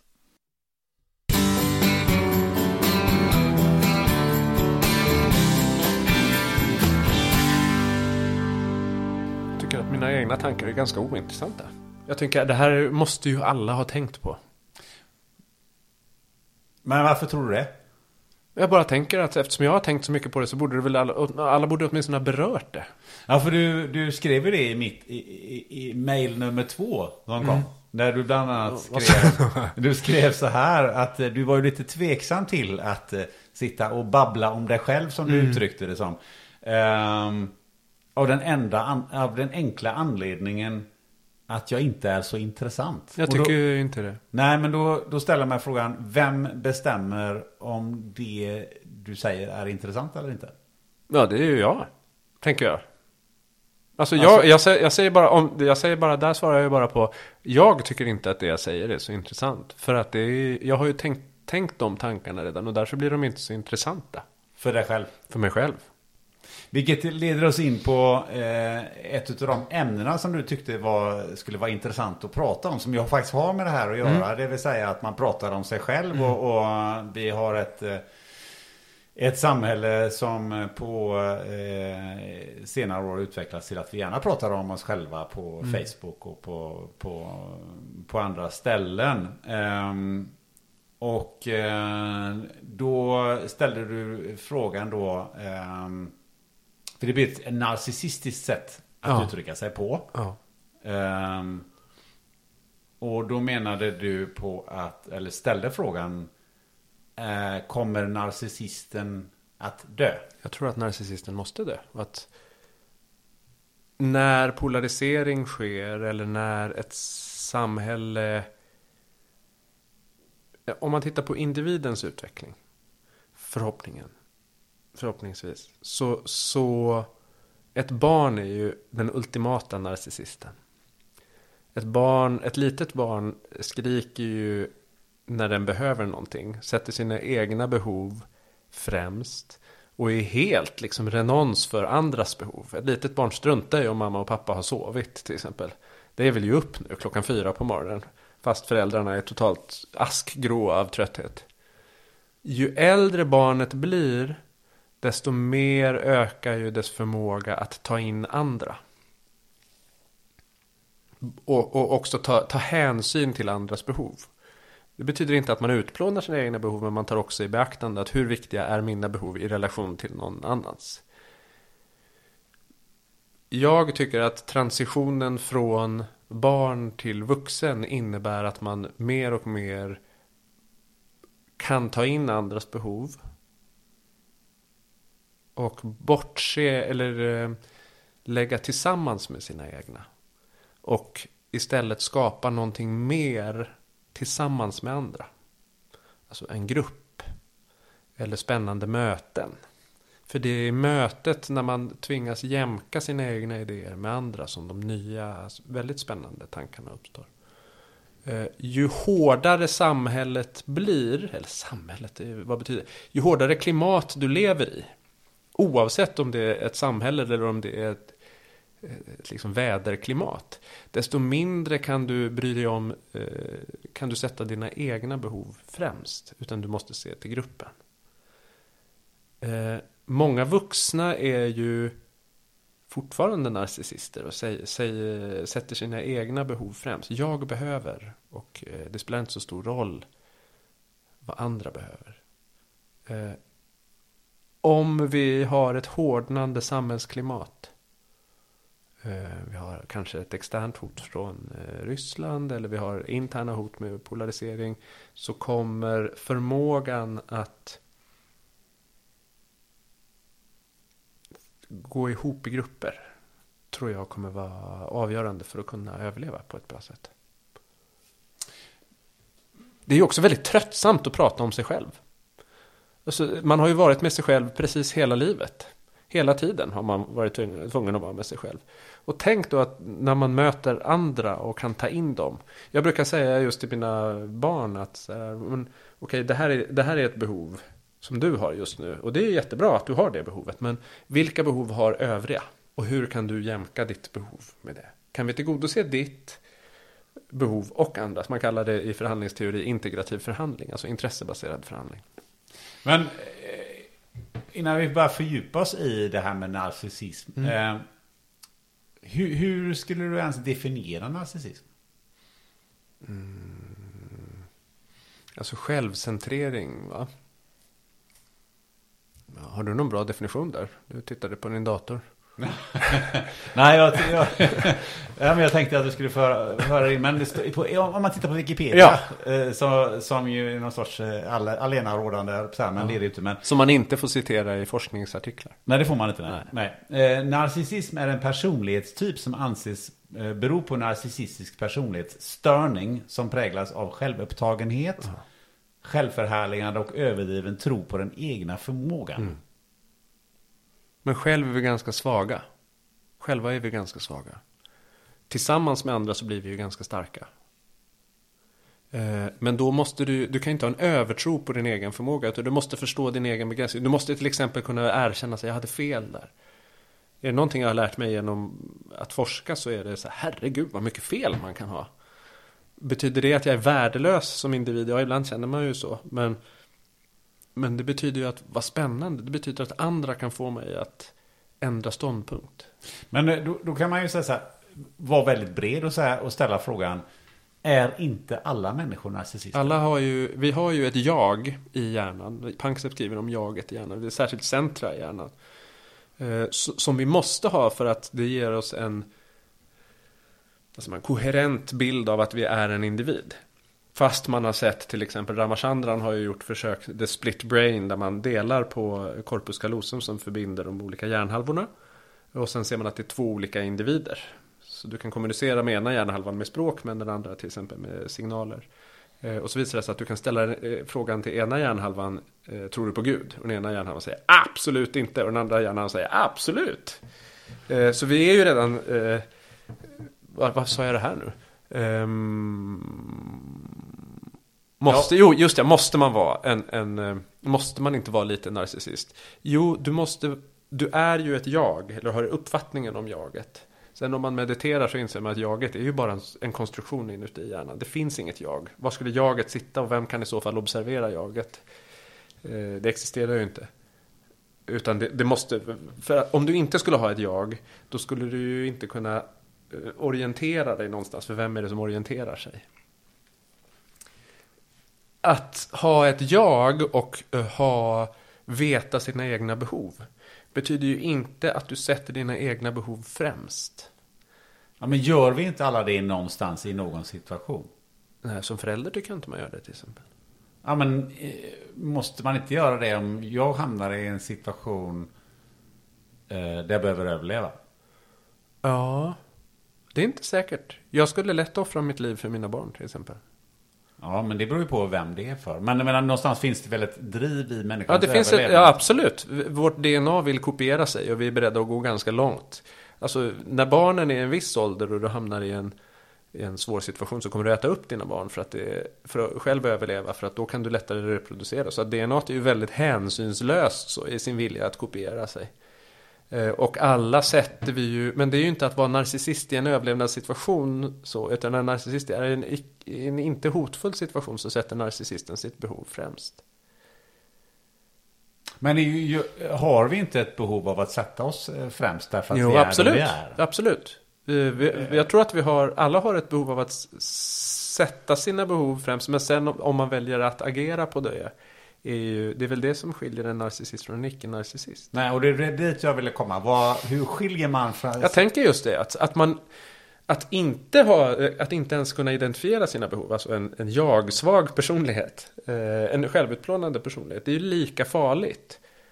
Det är alltså en total icke-narcissist. Total icke-narcissist. Jag, jag, mina behov är sekundära, alltid sekundära till omgivningens. Jag är beredd att göra vad som helst. Bara andra är nöjda. Eh, är ju lika hopplöst, det är ju lika hopplöst att ha en sån i en grupp eh, som att ha en narcissist. Tänker jag.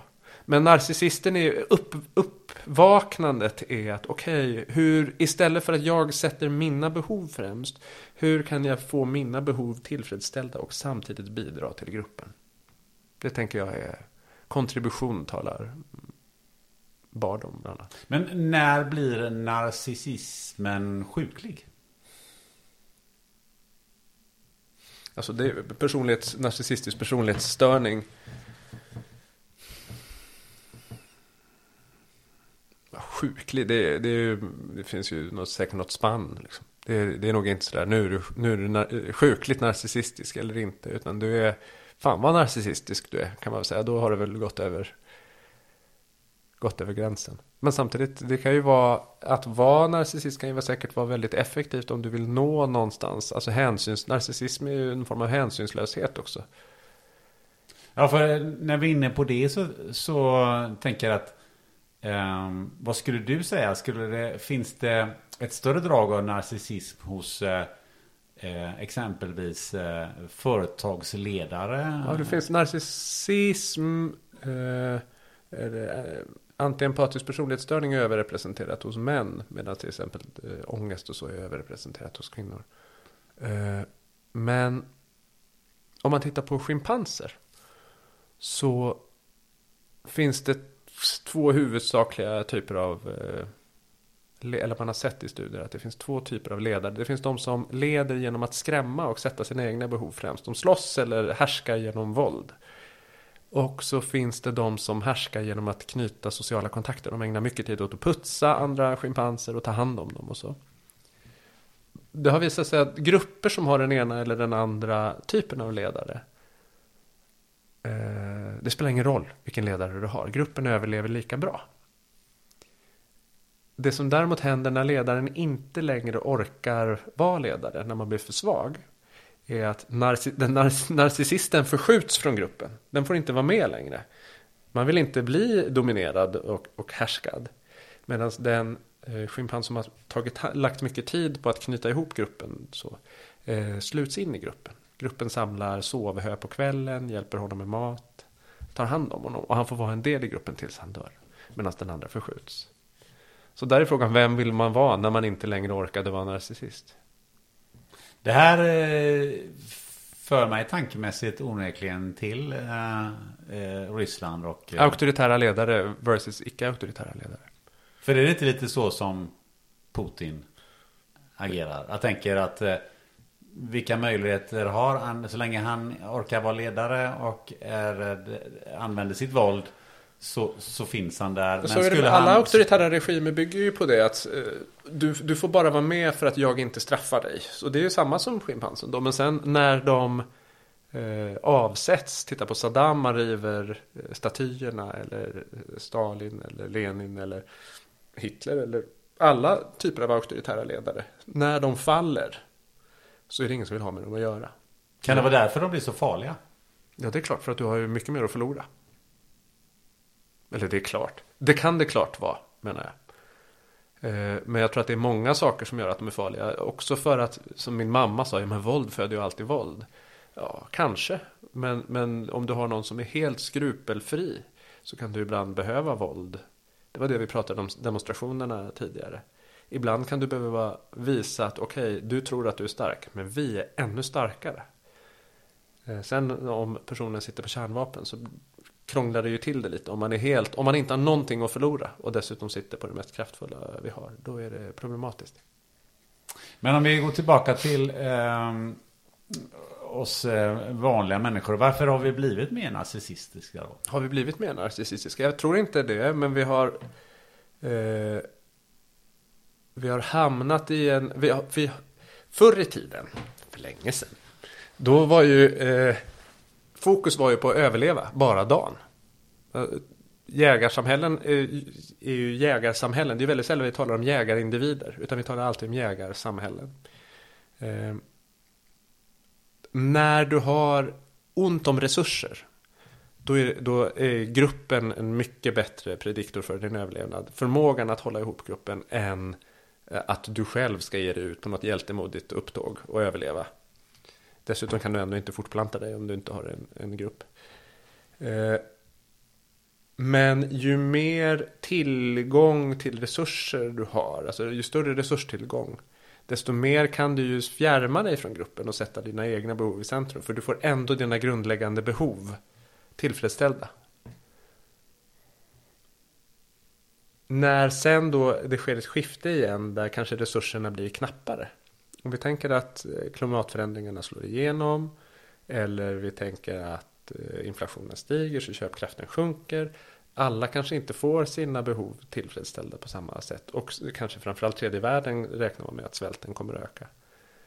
Eh, då måste du sluta dig till gruppen och kan inte sätta dina behov i centrum. För att det finns inget resursöverflöd längre. Men när det finns ett överflöd av resurser så kan vi ägna oss åt självförverkligande. Och det har man sett i alla, alla tider att det är en viss tid, eller när det finns gott om resurser, då uppstår de största tänkarna också visserligen. Det är ju en positiv sida, att man får tid att ägna sig åt tankar och Tittar man på det som finns skrivet om Einstein så var ju han en ganska osympatisk narcissistisk typ som vars fru verkade ha gjort en stor del av hans beräkningar.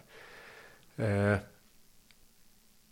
jag tror att det beror på att vi har haft en möjlighet att vara narcissistiska och jag tror också kanske att det inte kommer att avta på en gång, om någonsin kanske.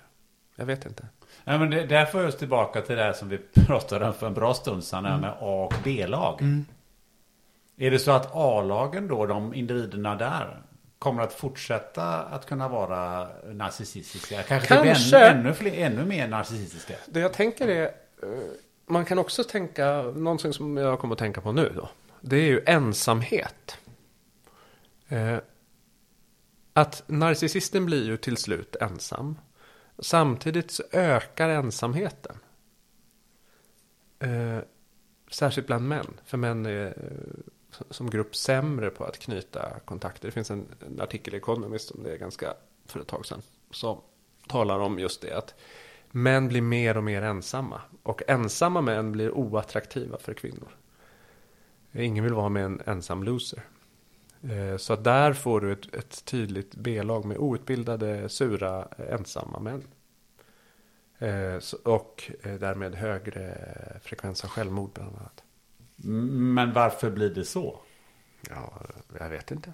Ja, men det kan man väl diskutera. Ja, Varför ja, får vi fler ensamma? Du säger att vi får fler ensamma. Får vi, en- får vi fler ensamma män? Mm, det får du.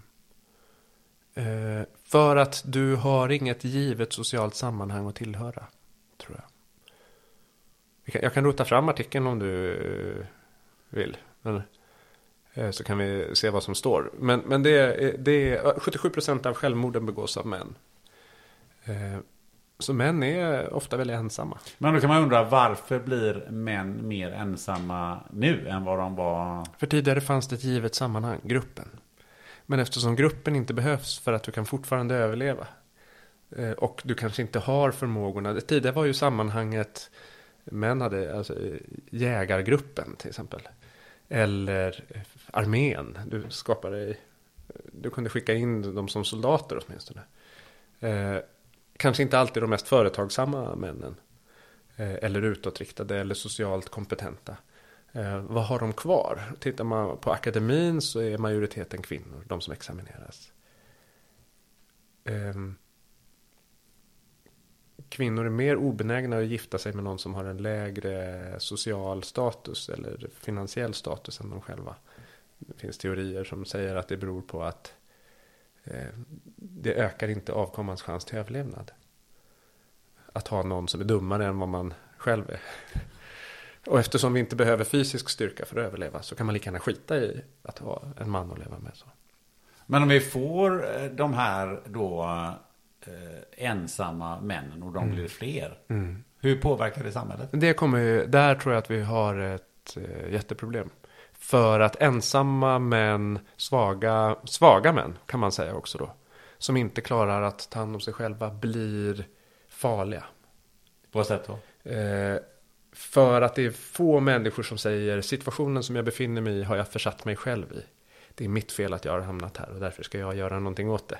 Det vi pratar om människans ovilja att förändras. Det är mycket lättare att externalisera det och säga det är någon annans fel att jag har hamnat här. Därmed får du en polarisering. Eh, kanske kvinnohat. Eller eh, radikalisering på andra, på andra sätt. Eh, i, I de som ansluter sig till IS. Kan jag tänka ofta i det. Men, men då kan man ju säga så här att då sluter de sig ändå samman i andra grupper. Mm. Ja, det är positivt. Men om, problemet är ju då om grupperna de sluter sig till är radikala. För det är lättare att suga upp svaga människor i radikala grupper en, en, och i radikala grupper kännetecknas ju av att du får inte säga vad du vill i radikala grupper. För då får du inte vara med i den radikala gruppen. Eh, så där kommer åter tillbaka till det fria ordet. Att om du har en, en palett av människor som du umgås med. Där du har människor som tycker annorlunda än du själv. Eh, så kommer du att kunna utvecklas bättre. Och inte radikaliseras. För att du har människor som säger, men är du dum i huvudet som tänker så här? Eh, men är du ensam och helt plötsligt hittar ett sammanhang. Radikala grupper söker svaga människor. Jordan Peterson säger du tror att en stark man är farlig. Se, du ska se, alla, inte alla gillar Jordan Peterson, inte jag heller alltid. Men han säger några bra saker. Folk är rädda för starka, folk säger att starka män ska vara farliga. Vänta tills du ser vad en svag man är förmögen till. Svag och rädd, som inte står fast.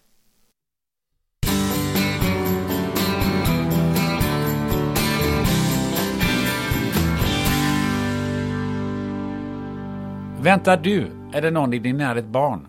Ja, då kanske ni har funderat på om det finns en sannolikhet att fostret har en kromosomavvikelse. Porrens sponsor Life Genomics erbjuder Harmony NIPT, ett genetiskt fostertest med väldigt hög precision för att upptäcka de vanligaste kromosomavvikelserna. NIPT görs på ett enkelt blodprov från mamman som utförs på labbet i Göteborg. Gå in på hemsidan fostertest.se och läs mer. På fostertest.se så hittar du också din närmaste vårdgivare som erbjuder NIPT-test. Life Genomics erbjuder även andra tester som covid-19 PCR inför exempelvis din resa eller andra möten.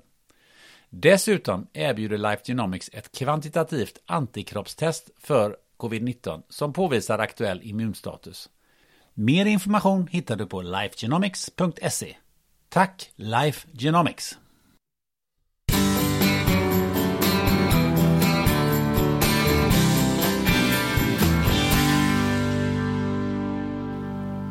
Um, man har ju haft en, en, eh, en kille som heter Anton Liv i eh, podden.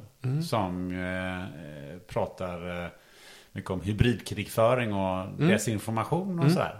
Eh, och han nämner vid något tillfälle att eh, man mycket målinriktat från bland annat uttalat rysk sida eh, siktar in sig på de här personerna. Eh, De ensamma männen. Ja. Och dessutom så gör man inte när som helst. Utan man gör det mm, fredag eh, kväll. Eh, när de sitter ensamma och dratt i sig ett par biror. Då ser man Fan till att de får en viss information. Eh, eller desinformation naturligtvis då. Via ja, sociala medier. Facebook. Då kanske de befinner sig där. Ja, det- Därför att de är ensamma. Precis, och det är ofta den enda kontakten med omvärlden de har. Ja. Och då är de... Då och då kan man ju testa det genom... Som mest sårbara ja, fredag mest sårbara. För aldrig blir ensamheten så påtaglig som på fredagskvällen. Och då är de mottagliga för. Ja, det är ju jävligt intressant. Och det, det, det har man ju då ja, algoritmer om man ska säga för, för, att, för att hitta.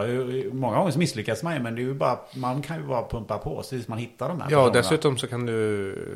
Algoritmerna förbättrar ju sig hela tiden. Ja, och sen kan du hitta de som är mest benägna att sprida den informationen som du ger dem. Ja, ja precis. Ja, det också. Men, men du kan ju också ha, jag tänker rimligen så kan du ha algoritmer som tittar på hur många vänner har den här, hur mycket interagerar den här med sina vänner. Okej, den har kanske 48 vänner eller 200, men den får aldrig ett enda. Det är alltid den som skickar ut istället för att få först in. Eh, hur aktiv är den, hur många likes får den? Rimligen borde man kunna...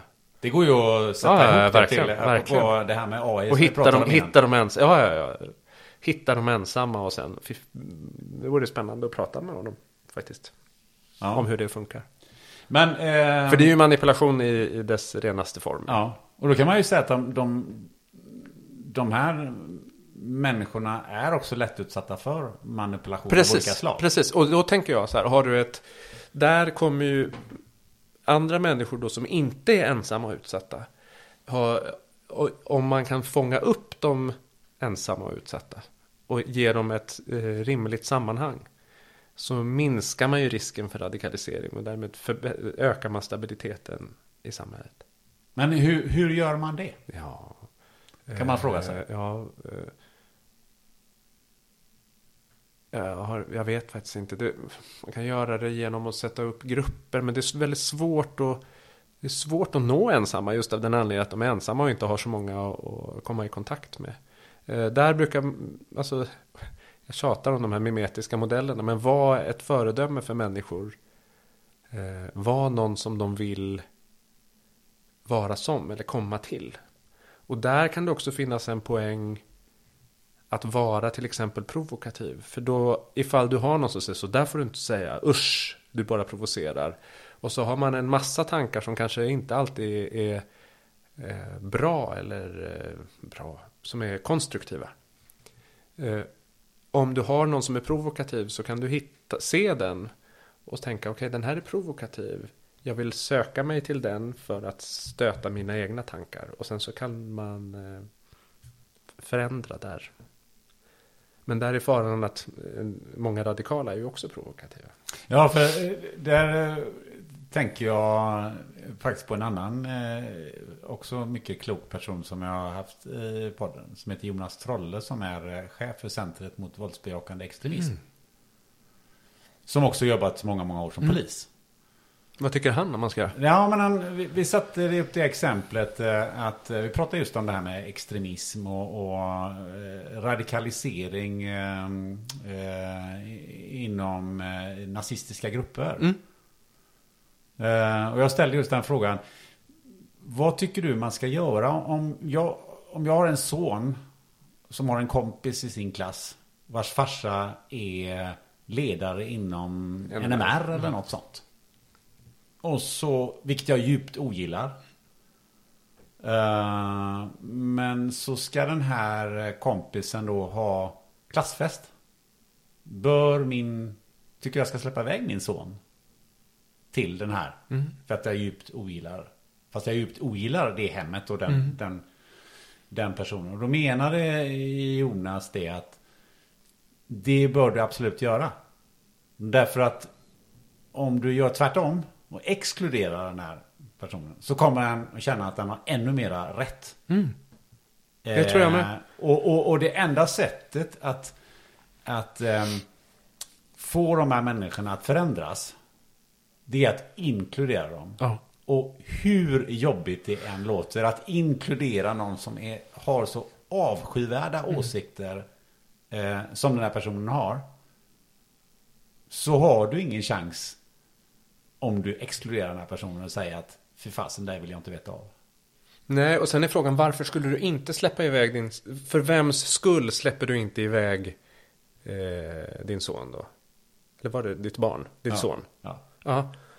För vems skull? Är det för, är det för din skull? Att du tycker så illa om det så att du gillar inte att bli provocerad? Du blir provocerad bara av tanken på att det finns människor som inte tycker som du? Eller släpper du inte iväg det för sonens skull? För att sonen, då blir du som Buddha som liksom går i den skyddade trädgården där allt är trevligt och det finns ingen eh, våldsbejakande extremism överhuvudtaget och alla är bara sams. Eller är det för att straffa den här personen då, som håll, har festen, som kanske, inte, som kanske inte heller är extrem utan det är hans pappa som är extrem. Det blir liksom... Eh, Vilket gör att du eh, också kan... Eh, det finns en risk att sonen också blir... Precis, extrem. eftersom han inte får ha någon, någon annan input. Så då tänker jag så här, enda sättet att eh, det är svårt, papp, pappan där borta är nog svår att ändra på genom att skicka någon på en fest. Men kanske, han kanske ser att fan, det finns ju massa trevliga människor. Men eh, ofta är vi ganska ingrodda i våra eh, tankar när vi är vuxna. Obenägna att ändra ståndpunkt. Sonen eh, då som har festen borde ju rimligt, eller får helt plötsligt ett annat sammanhang. Och även om han skulle vara färgad av sin pappa, vilket han ju rimligen är. Så, men så kanske han redan är, han kanske, hur gammal är han när han har den här festen? Han kanske är 13. Då kanske han börjar ifrågasätta, fan min pappa har jävligt märkliga åsikter ibland. Börjar ifrågasätta, jag är ju inte som min pappa alltid. Jag kanske till och med är homosexuell, kanske den här sonen sen. Och min pappa han hatar ju homosexuella. Fan. Och sen kommer den här schyssta killen från den här familjen. Han verkar ju vara astrevlig, vad är det de har som inte jag har? Och sen så kanske de börjar prata. Eh, och sen även om han skulle försöka påverka din son så kommer ju din son hem. Och då kan man ju prata med sin son och så kan man säga, hur var festen? Vad pratar ni om? Du har alltid ett sammanhang här, vet du det? Eh, berätta om det här. Ja, det finns människor som tänker så här. De, de tänker så här, ibland är det för att de är rädda, men ibland är det också för att de har en narcissistisk självbild. Eller, eller också en, en eh, sån här Obermensch eh, syn på sig själva. Att det finns vissa som är mer värda än andra. Men då, då tycker jag att det är en intressant diskussion är ju hur, hur gör vi på ett samhälleligt perspektiv? Att inkludera de här människorna så vi slipper den här extremismen. Jag vet inte det. Nej, inte jag heller. Jag, jag, har, jag, har inte ens någon bra, jag har inte ens något bra förslag. Alltså o, o, olikheter. Ehm, olikheter skapar ju um, lika barn leka bäst.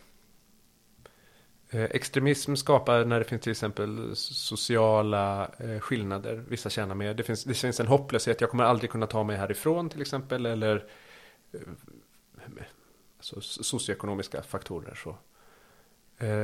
Jag tänker till exempel att jag är för att det ska finnas språkkrav i Sverige. När man kommer till Sverige så ska du lära dig svenska språket för att det är en väg in att kunna knyta kontakter med andra. Eh, du har en rätt att bo här med med dig följer vissa skyldigheter. Skyldigheten är till exempel att vi har yttrandefrihet.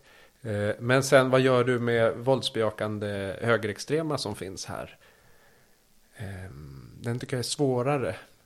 Du har, rätt att, du har rätt att tycka som du tycker. Men du har inte rätt att stå oemotsagd. Det är det enda. Att, eh, alltså hur gör man? Man... man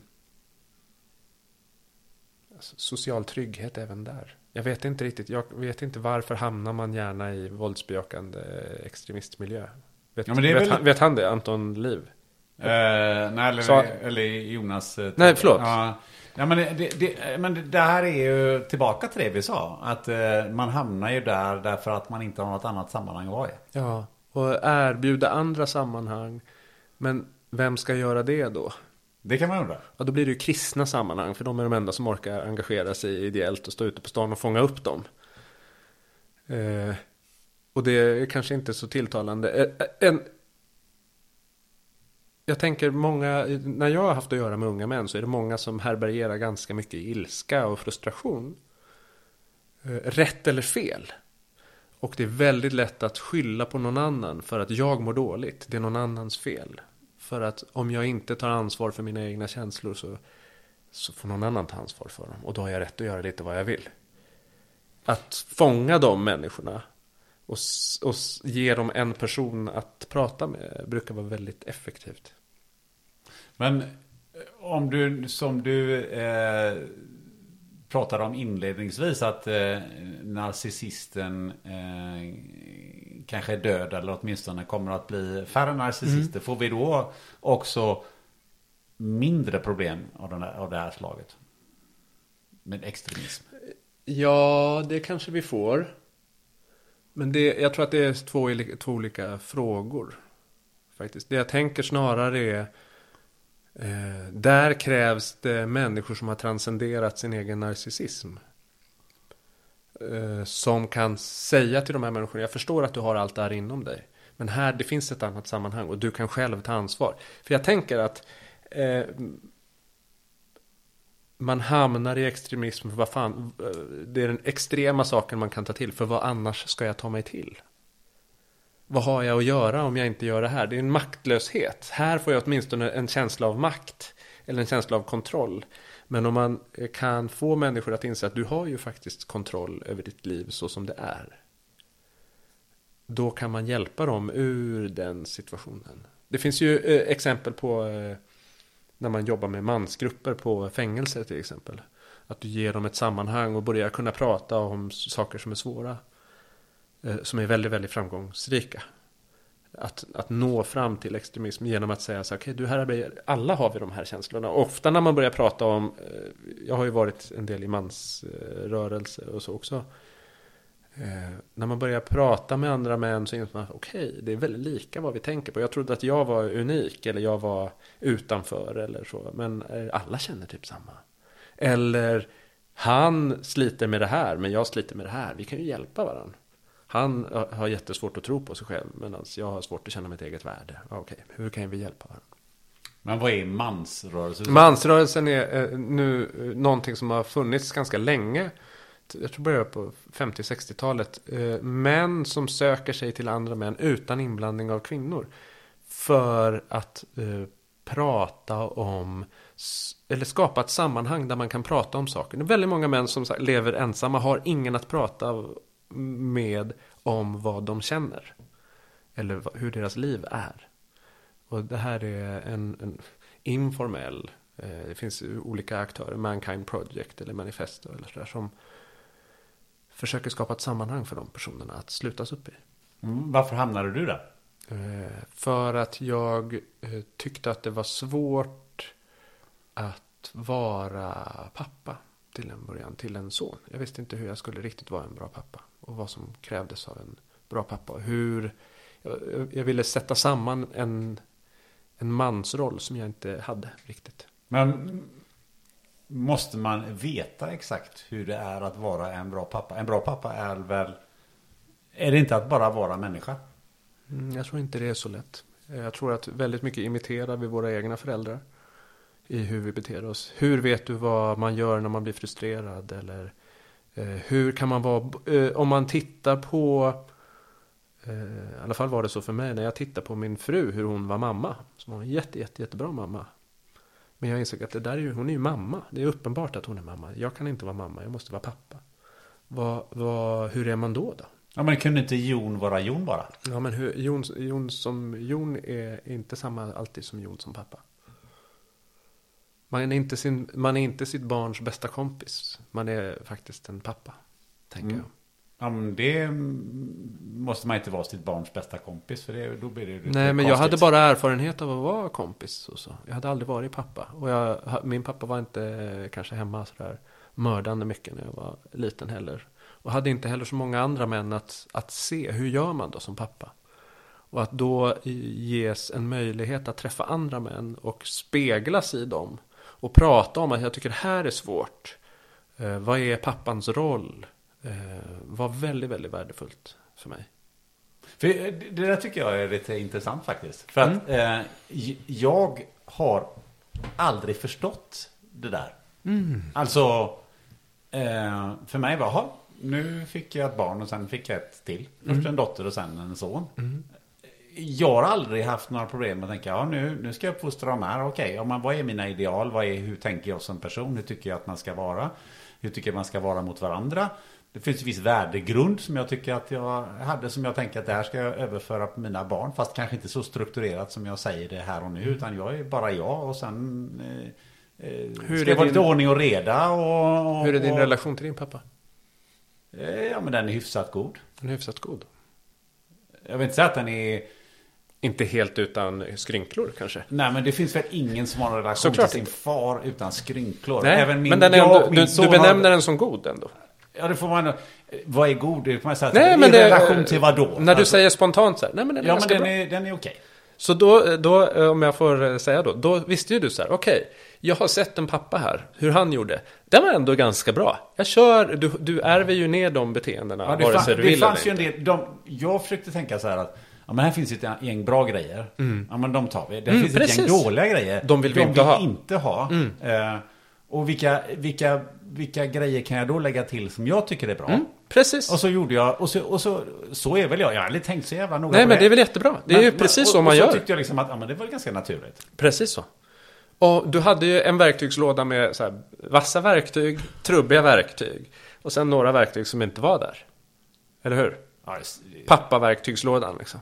Ja men pappaverktygslådan var ju också människan Gunnars. Absolut. eh, Men låda. människan Gunnar är...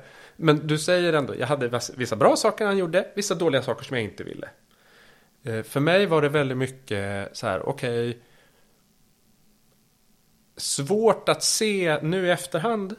När jag har själv mognat så har jag lättare att se positiva saker. Då hade jag väldigt svårt att se positiva saker. Såg mest dåliga saker. Eh, en hel del saker som verkligen inte jag ville göra. Eh, och jag visste inte riktigt vad jag ville lägga till eftersom de två andra var så eh, osäkra. Eller eh, jag visste mest vad jag inte ville göra. Men man kan inte bygga ett föräldraskap på vad man inte vill göra. Utan man måste göra någonting. Och att då få prata om det med andra var väldigt värdefullt att säga okej hur gör du, hur tänker du? Och sen så bara processen att få växa in i en papparoll var väldigt, väldigt värdefull. Och jag tycker själv, tycker själv att jag blivit en väldigt bra pappa. Och jag frågar mina barn ofta, så tycker ni, om ni ser ni någonting som ni skulle vilja att jag gör annorlunda? Eller så där? Det är ju ingen demokratisk process eh, föräldraskapet. Men, men ändå, de, jag tror att de eh, bästa måttstockarna är att se hur de utvecklas. Och tänka, okej men det här är bra. Eh, jag tänker, mitt, min syn på föräldraskap är att jag ska försätta mig, jag ska förbereda, barn är ju mest, eller vi som människor är ju mest vuxna i livet innan vi dör. Ja, vi kan ägna barndomen åt att förbereda dem för vuxenlivet. Det betyder att de ska få leka hur mycket de vill, eller bla bla bla. Men det betyder också att förstå, okej, jag, har, jag har vissa saker som jag måste ta ansvar för. Jag måste ta ansvar för mig själv, jag måste lära mig att härbärgera mina känslor. Jag måste lära mig förstå vad mina olika, hur de olika känslorna känns. Eh, jag måste förstå hur eh, att jag har en känsla, hur det kan påverka hur jag framstår eh, gentemot andra. Hur andra känslor kan påverka mig. Allt sånt behöver vi hjälpa, eller vill, vill jag, har jag försökt hjälpa mina barn med. Att de ska vara så väl förberedda inför vuxenvärlden som det bara går. För då blir livet lättare och då, blir det, då slipper de en massa skit som jag behövde eh, göra. För att jag kanske inte hade den guidningen. Ja, för det känns ju som att det, och det, och det är väldigt många, eh, säkert fler än, än Bara som, jag. Som, till, nej, men, som tillhör den gruppen som du tillhör än den gruppen som jag tillhör. För att jag har alltid tyckt att det var jävla konstigt att de liksom, "Ah, det är så svårt att vara förälder. Ja, fan, är det, det är väl inte Men jag tycker inte det är så svårt att vara Alltså, jag, förälder. jag, bara- jag behöver inte analysera det. Men, men jag ville vara, eh, jag hade svårt att se först vem jag var. Eh, jag var mest arg. Och tyckte det var jättejobbigt i början att vara förälder. Eller inte mest arg, det kan du klippa bort. Men jag var, eh, jag tyckte det var svårt precis i början att hitta en bra roll. Eh, frustration liksom över att inte veta Inte kunna känna, inte, och heller inte, jag hade inte den känslan som du, hur svårt kan det vara? Jag tänkte, jag vet inte vad jag ska göra. Det är som att man, man står i en skog helt utan karta. Och sen långsamt så arbetar ju det, eller utvecklar ju det sig. Men menar du att du, inte, att du inte hade så mycket grundvärderingar själv som du tyckte var någonting att ha? Eller vadå? Men inte värderingar, det var inte så mycket värderingar. Hur gör man i den här situationen? Ja, men vad, Hur- hur- vad tycker du själv? Är det inte så här liksom? Ja, men, eh, vad gör man i den här situationen när ungen står och, eh, framför en, eh, en, en, en jätteställ med, med godis och bara vill ha? Hur, hur, gör man då? Ja, men man ser till att man går därifrån. Därför att jag i min, enligt min filosofi ska inte ungen ha ett kilo godis på lördag. Det är Absolut. inte så jävla svårt. Eller? Eh, nej. Så du tar tag i ungen och drar därifrån? Ja. Okej. Eller... Se, Eller, alltså, jag, jag gör inte det eftersom det, det har redan tidigare satt upp en gräns på hur mycket godis barnet ska få. Ja. Och det är definitivt inte ett kilo. Även Nej. om barnet gärna skulle vilja haft ett kilo. Men har vant sig vid att det ska ha godis för en tia. eh, Och det vet barnet om. ja. För det är, det är min Den, filosofi. den tycker jag är ganska okomplicerad. Ja, vilken är mer komplicerad? Komplicerad kan vara... Pappa, jag tycker mer om mamma. Jag älskar inte dig, pappa. Bara så du vet det. Vad svarar du på det? Jaha, då undrar jag ju varför då? Jaha. Varför undrar du det? Varför jag ställer den frågan? Ja. Ja men jag tycker det är, det för mig är det intressant. Okej, vad, vad bygger du det på? Ja, det är ganska naturligt Du försöker fråga. ifrågasätta dig. För det, du vill reda ut det för din egen, för din egen skull. Ja men jag vill ju, ja, det, någonstans måste jag ju ha reda på varför är det så? Är det för att jag har, eh, är, det för, att jag beter mig på, ett- på ett visst sätt? Mm. Är, det, är, det, är det någonting som är fullständigt ologiskt? Eller är det för att eh, barnet har just fått eh, mer godis av mamma än, än vad den Mm. Det- fått av det verkar pappa? vara en stor grej med godis Ja men, det. ja, men det- ta leksaker eller Nej, men, vad-. Mm. alltså, barn har ju, sin, har ju sin värld. De har ju liksom inte, därför att mamma sa att eh, eh, hon gillar Ebba Busch Thor. Liksom Mm, inte, alltså, det, det, det, det, det här, Men om är vi säger då, små- eh, då, vems, när du säger alla de sakerna, den du försöker tillgodose, eller dens behov du försöker klargöra, är främst dina egen, ditt eget behov av att förstå. Ja, det är klart att jag har ett behov av att förstå om, om Ditt barnets- eget. Att, ja, Du sätter inte barnets eh, behov främst. Du- så här skulle man kunna säga då. Du får älska mig precis hur mycket du vill. Jag kommer alltid älska dig. Oavsett. Ja, men det kan jag ju också säga sen. Men, men, Men det är inte det, det första du säger. Det första du säger är varför då? Ja, för att jag, Mina behov är, bättre, är, är viktigare än dina. Jag behöver förstå. Ditt behov av att du ska förstå att du är älskad är inte lika stort som mitt behov av att förstå. Nej, men jag skulle vilja säga så här att om jag förstår varför barnet inte älskar mig så kan jag kanske hantera det och kanske kan gå till mig själv och säga så att jaha, okej, det är därför det är så. Eller så kan det vara av det helt, för mig, irrationella skälet därför att barnet kan säga så precis i stunden därför att barnet har fått en leksak eller vad det nu godis eller en banan eller vad det är för någonting. Precis där och då. Och jag precis har förbjudit någonting eh, Ja, fem absolut. minuter innan. Att det är som en hämnd. Ja, jag älskar inte dig. Alltså, det är helt okej. det, det, och det tycker man så, ja men det är helt okej. Du, em, om fem minuter så kommer barnet älska mig ändå. Alltså, det, det känner jag mig trygg. Men om, det, om, om jag känner mig att det finns något djupare i det här. Mm. Eller så kan jag, jag kan ändå ställa frågan. Det kan barnet säga, ja men jag fick en banan, det fick inte jag dig. Mm, absolut. Men jag tänker, så, ja, okej, jag det är tänker fine. försöka komma på, det är svårt eh, på, på beställ, men där tänker jag är en sån här, eh, det kan vara en svår situation, eller egentligen alla situationer där du själv blir överväldigad av dina egna reaktioner. Och, för det, det är egentligen så här blir det ju då, om vi ska gå tillbaka vad vi har pratat om. När din egen narcissist vill ta större plats än barnet. Om vi, om vi ska lära eh, barn, eh, förbereda dem för vuxenlivet. Eh, och vi själva slåss med vårt barn när vi försöker göra det. Då blir vi inga bra föräldrar. Att vara förälder är att transcendera sig själv. Och sätta barnets främsta. I, i främsta rummet. Det betyder inte att man gör eh, vad barnet vill. Utan vad vi tror är bäst för dem. Men för att kunna göra det så måste vi ha tagit itu med all eh, eventuell packning. Vissa har mer packning än andra. Vissa har mer automatiserade beteenden om hur man beter sig när man blir frustrerad till exempel som förälder. Vissa föräldrar kanske säger eh, Skärp dig! Men måste du skrika så jävligt? Sådär, fast man hör att det är förälderns ångest som lyser igenom. Eh, barnet har ingen aning om vad det ska göra när man säger skärp dig.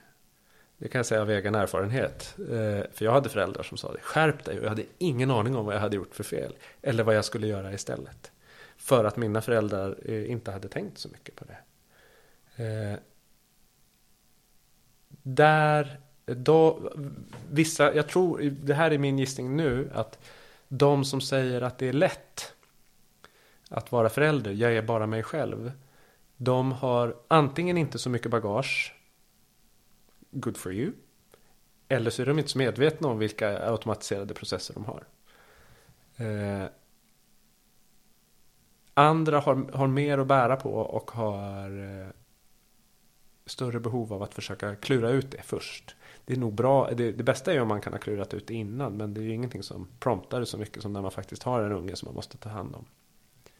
Nej, för innan ungen finns så har man ingen aning. Så har man inget incitament heller att, att göra någonting. Men, och man har heller ingen aning om vad det är för triggers. För barn är ju världs... Alltså är det någonting barn skulle vinna alla VM på så är det ju att hitta trigger eh, på vad som... Eh, jag avskyr människor som gnäller till exempel. Eh, och tidigare hade jag ett barn som gärna gjorde det. Sådär maktlöshetsgnäll. Jag kan inte! Varför skulle du inte kunna det? Så, så där, där var mansrörelsen väldigt viktig att kunna eh, se, se andra. Och inse, okej, okay, men det finns den här paletten att välja mellan. Så kan man plocka ihop lite som smågodis till sig själv då. Så här, men då blir jag ungefär den här pappan kanske. Kan vi testa den? Ja, men det här tycker jag känns, eh, det här kan jag stå bakom. För det handlar ju hela tiden om, kan jag stå bakom det här? Och där tror jag, nu tror jag att om man ser, eh, du gör ju inte en kalkyl alltid när du beter dig. Eller det är svårt att göra det, men i varje enskilt ögonblick. Så då, ibland så kommer det ju bara någonting. Och om man ser så här, det här som kom nu, fan det är inte riktigt den jag vill vara. Eh, det här, det här, jag står inte bakom det här föräldraskapet som jag just nu uppvisar. Eh, och eh, om man är, inte vet vad man ska göra istället, då är det jätte, jättebra att ha ett sammanhang där man kan få så här, okej, okay, så kan man göra. Bra, då tar jag det eh, och plockar ihop till den man vill, vill vara. Så, som man sen kan stå bakom. Och det behöver man göra bland eh, män? Ja, det är mest män som är pappor. Jo, det är förvisso sant. Men män kan ju också påverkas av kvinnor. Eh, män kan påverkas av kvinnor, ja, men jag, det var ju inte det va, utan alltså att, att titta på hur andra män är. Ja, du menar så, att man tittar på hur mammor gör? Nej, men eller att, att mamman kanske kunde säga till dig, dig så här, eller din fru då, som mm. att du, har du funderat på det här? Mm. Det måste ju inte nödvändigtvis vara en man som... Nej.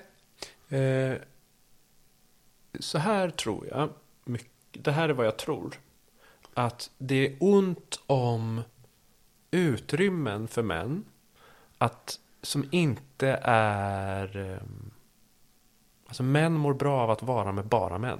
När jag har varit i sådana eh, grupper eller vad man ska säga, sam, sammankomster där det bara är män så sker det någonting. För det, är inte, det finns ingen sexuell konkurrens till exempel. Det finns ingen som försöker få någon kvinnas uppmärksamhet eller visa sig att han är lite coolare än andra eller sätta sig. Och män i grupp tycker jag brukar vara, i de grupperna ska jag säga, i alla grupper absolut inte, men brukar vara väldigt bra på att hålla varandra ansvariga. Så här, Varför gör du sådär? Det är svårare att göra och skadan är mycket större om du gör det inför en grupp med kvinnor som du försöker eh, hävda dig inför. Eh, för att förlusten av, eh, vad säger man, anseende eller blir större alltså att skämma ut sig inför tjejer. Om någon drar ner eh, brallorna på en kille i omklädningsrummet bland andra män. Eller bland andra killar. Så är det inte lika farligt som om man drar ner det bland tjejer.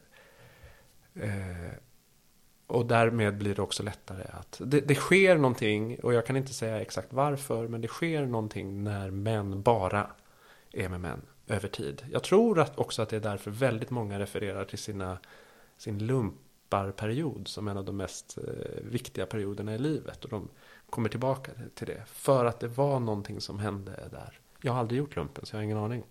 Nej, Men, blind leder en blind.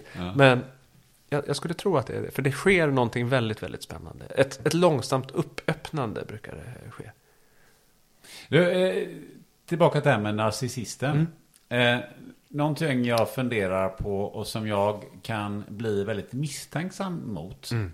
Det är när någon säger att eh, ja, men jag, eh, jag, är inte, jag är inte så viktig utan jag, jag tänker på det. Vad, vad intressant är det du säger?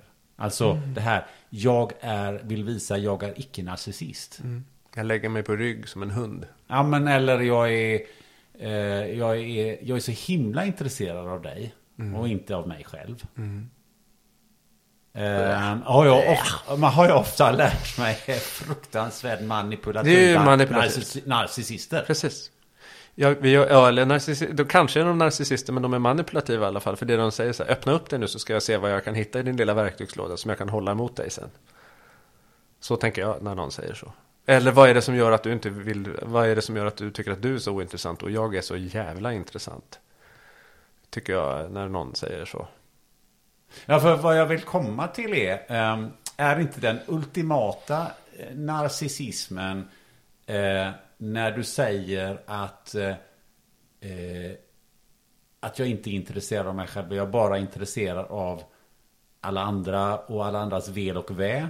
Vilket gör att du får väldigt många människor som tycker om dig och som ser upp till dig. Och du kan vara ännu mer narcissist än om du bara är narcissist och, och kör ditt eget race. Ja, ja det kanske det är. Ja, jag, jag, jag bara måste Eh, testa det. jag vet jag kom inte. på det själv. Eh, det, jag tror att, alltså om vi säger... Nej, jag tror inte det är den ultimata, men det är väl en av dem. Att man gör vad som helst för att få andras gillande.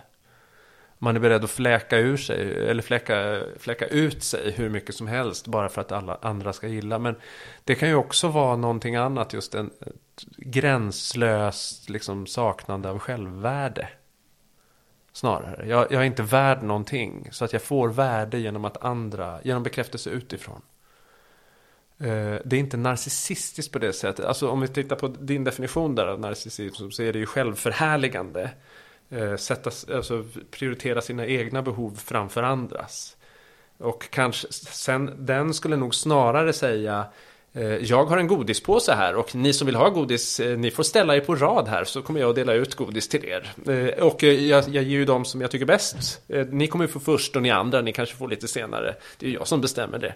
Det är ju, tycker, tänker jag, är liksom narcissisten. Personifierad. Eh, vad, vad är din egen erfarenhet av eh, narcissister?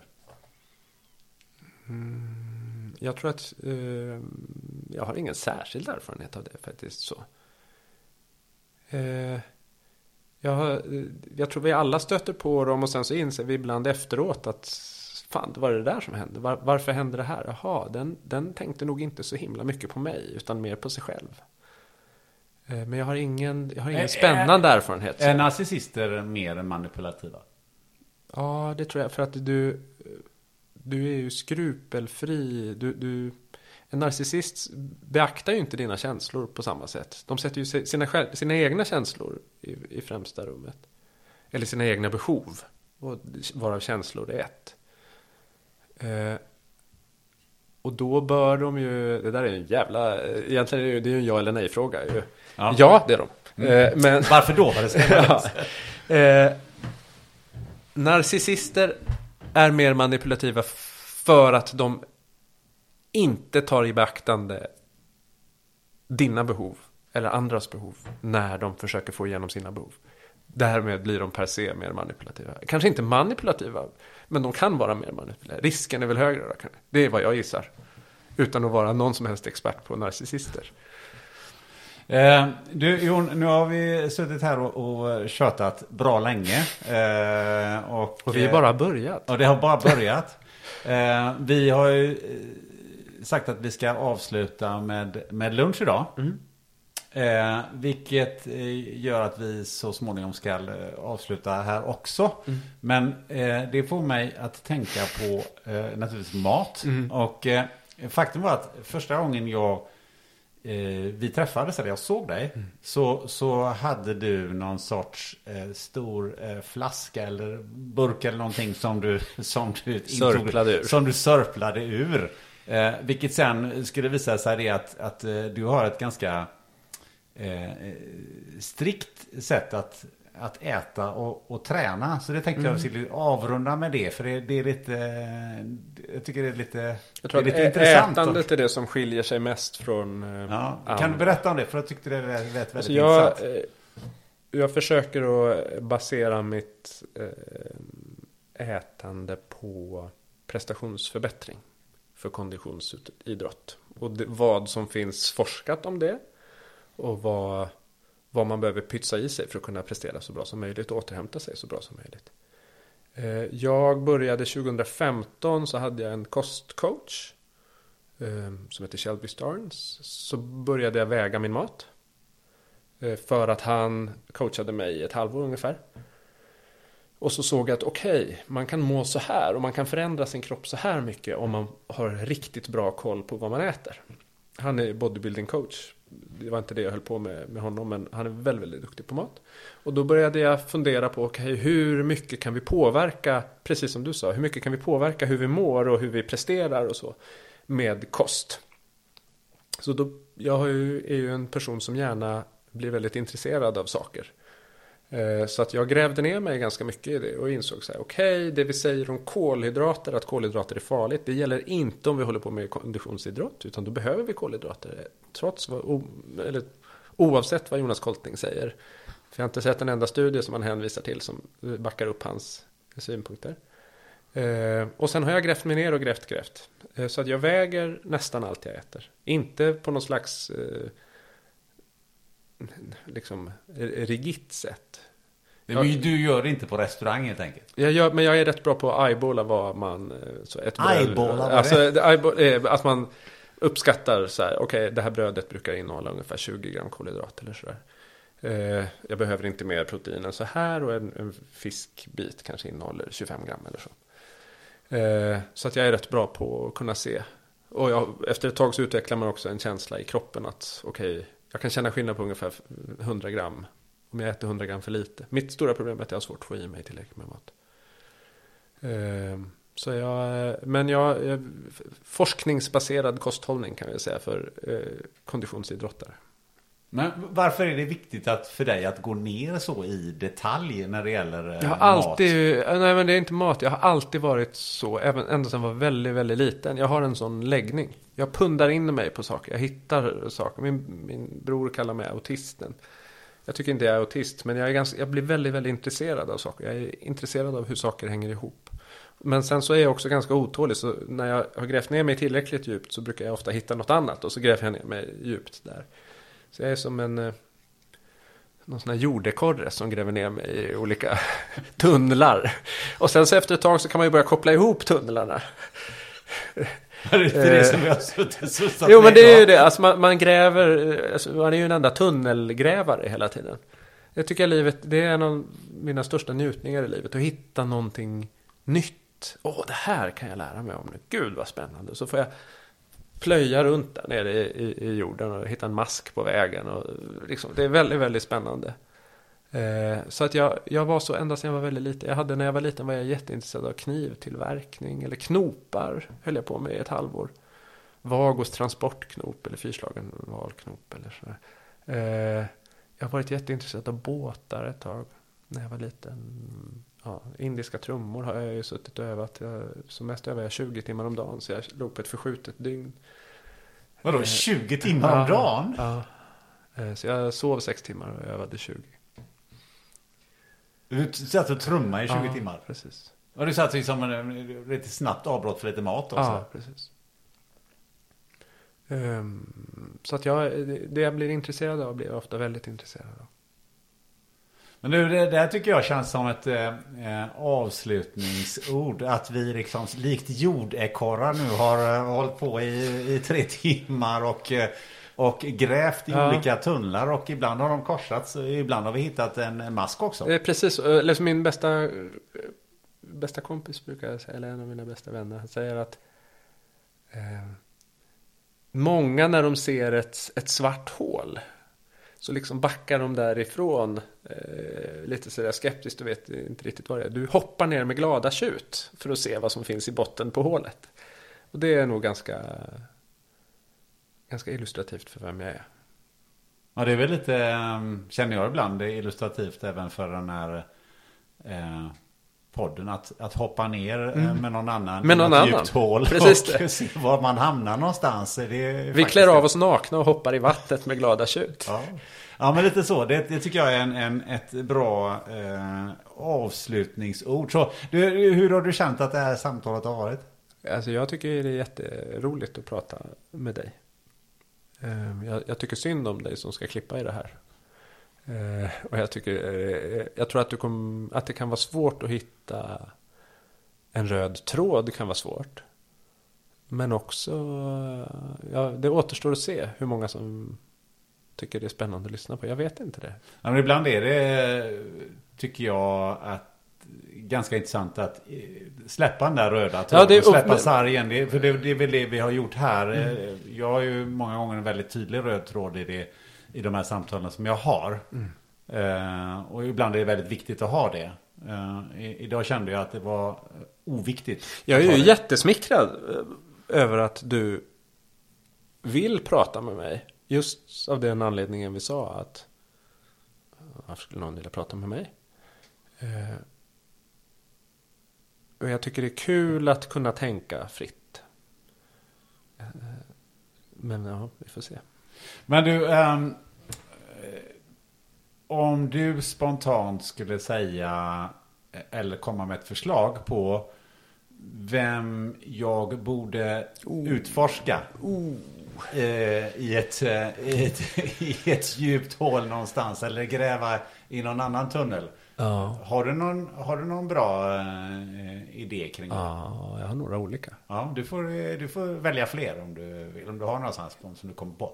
Eh, Jag skulle prata med Kerstin Uvnäs Moberg. Och Hon är professor i fysiologi, eller professor emeritus i fysiologi och farmakologi och en av världens främsta experter på oxytocin och oxytocinsystemet. Fantastisk kvinna, verkligen. Eh, Hon har, hon har liksom gjort allt från grundforskningen till den applicerade forskningen på oxytocin. Eh, jag skulle prata med Navid Modiri kanske. Om hur man, om det fria samtalet och fördelen med det och så. Jag har några till som jag inte vet om de skulle känna sig bekväma med att nämnas vid namn. Så därför avstår jag dem. Men vilka skulle jag tycka var spännande? Jag tänker också vilka skulle jag tycka var spännande att lyssna på? Jag tycker ju massa sådana här träningsmänniskor som kanske inte andra tycker är sådär vansinnigt intressanta. Ebba Busch kanske? Ja, kanske. Men, men jag tänker det som skulle vara bra med henne. Det är snarare så att jag skulle vilja intervjua henne hellre. Eh, än att lyssna på henne. För lyssna har man ju gjort. Men, men att kunna ställa de frågor som jag har. Eller tankar. Dela de tankar. Just i mö spännande möten. Det skulle kunna vara en grej. Eh, för det är mötet mellan. Och där skulle det vara intressant att se mötet. Eh, vad, vad som skulle hända så. Eh, om någon skulle vilja ha tag på dig. Eh, Så kan de ringa dig. så kan de ringa mig. Men, eh, eller få, få veta mer kanske om, om den här AI-forskningen som du gör. Eller, eller faktiskt lyssna på dig. Om det nu är eh, one-to-one eller om det är i, i, i något talarsammanhang trots allt. Och kan övertyga dem om det. Var, var, var, var ska man hitta dig någonstans? Då? Jag finns på Facebook, tänker jag. Jag finns ingenstans. Ja, LinkedIn kan man hitta mig också. Men jag är inte, jag är inte så, jag har inga sociala medier som jag, jag twittrar inte eller jag instagrammar inte eller jag skriver väldigt sällan något på Facebook överhuvudtaget. Så att jag är, av just den anledningen att jag tänker att hur intressant är det här? Ja, det får ju andra avgöra och andra får avgöra hur intressant det här var. Men jag tycker att det har varit superintressant. Eh, Stort tack Jon. Eklöf att du Tack ville vara med här. Tack för att jag fick vara med. Du har nu lyssnat till 119 avsnittet av podden Spännande möten. Hoppas du tyckte att det här lite annorlunda samtalet var givande och stundtals kul. Själv fick det mig att tänka till rejält några gånger. Du har kanske undrat vad det utlovade snacket med AI-visionären Amer Mohammed tog vägen. Då kan jag berätta att Amer hoppade av dagen innan för att åka på en viktig intervju med citat en VD han jagat i två månader. Slut citat. Så kan det gå om man har med en superentreprenör att göra. Å andra sidan så har Amer lovat en intervju när han har gjort klart med sitt nya jobb. Då finns det säkert en hel del nyheter att berätta. Så nästa gång så blir det ett helt annat tema. Du ska få träffa lilla Speedos mamma. Vem det är kan du ju googla på. Men jag kan redan nu utlova en resa bland mängder av bokstavskombinationer. Till dess, du vet vad du gör. Du ringer en vän, ni sätter er tillsammans, häller upp varsitt glas och funderar på om Koranen och Bibeln är sagoböcker. Ha det gött!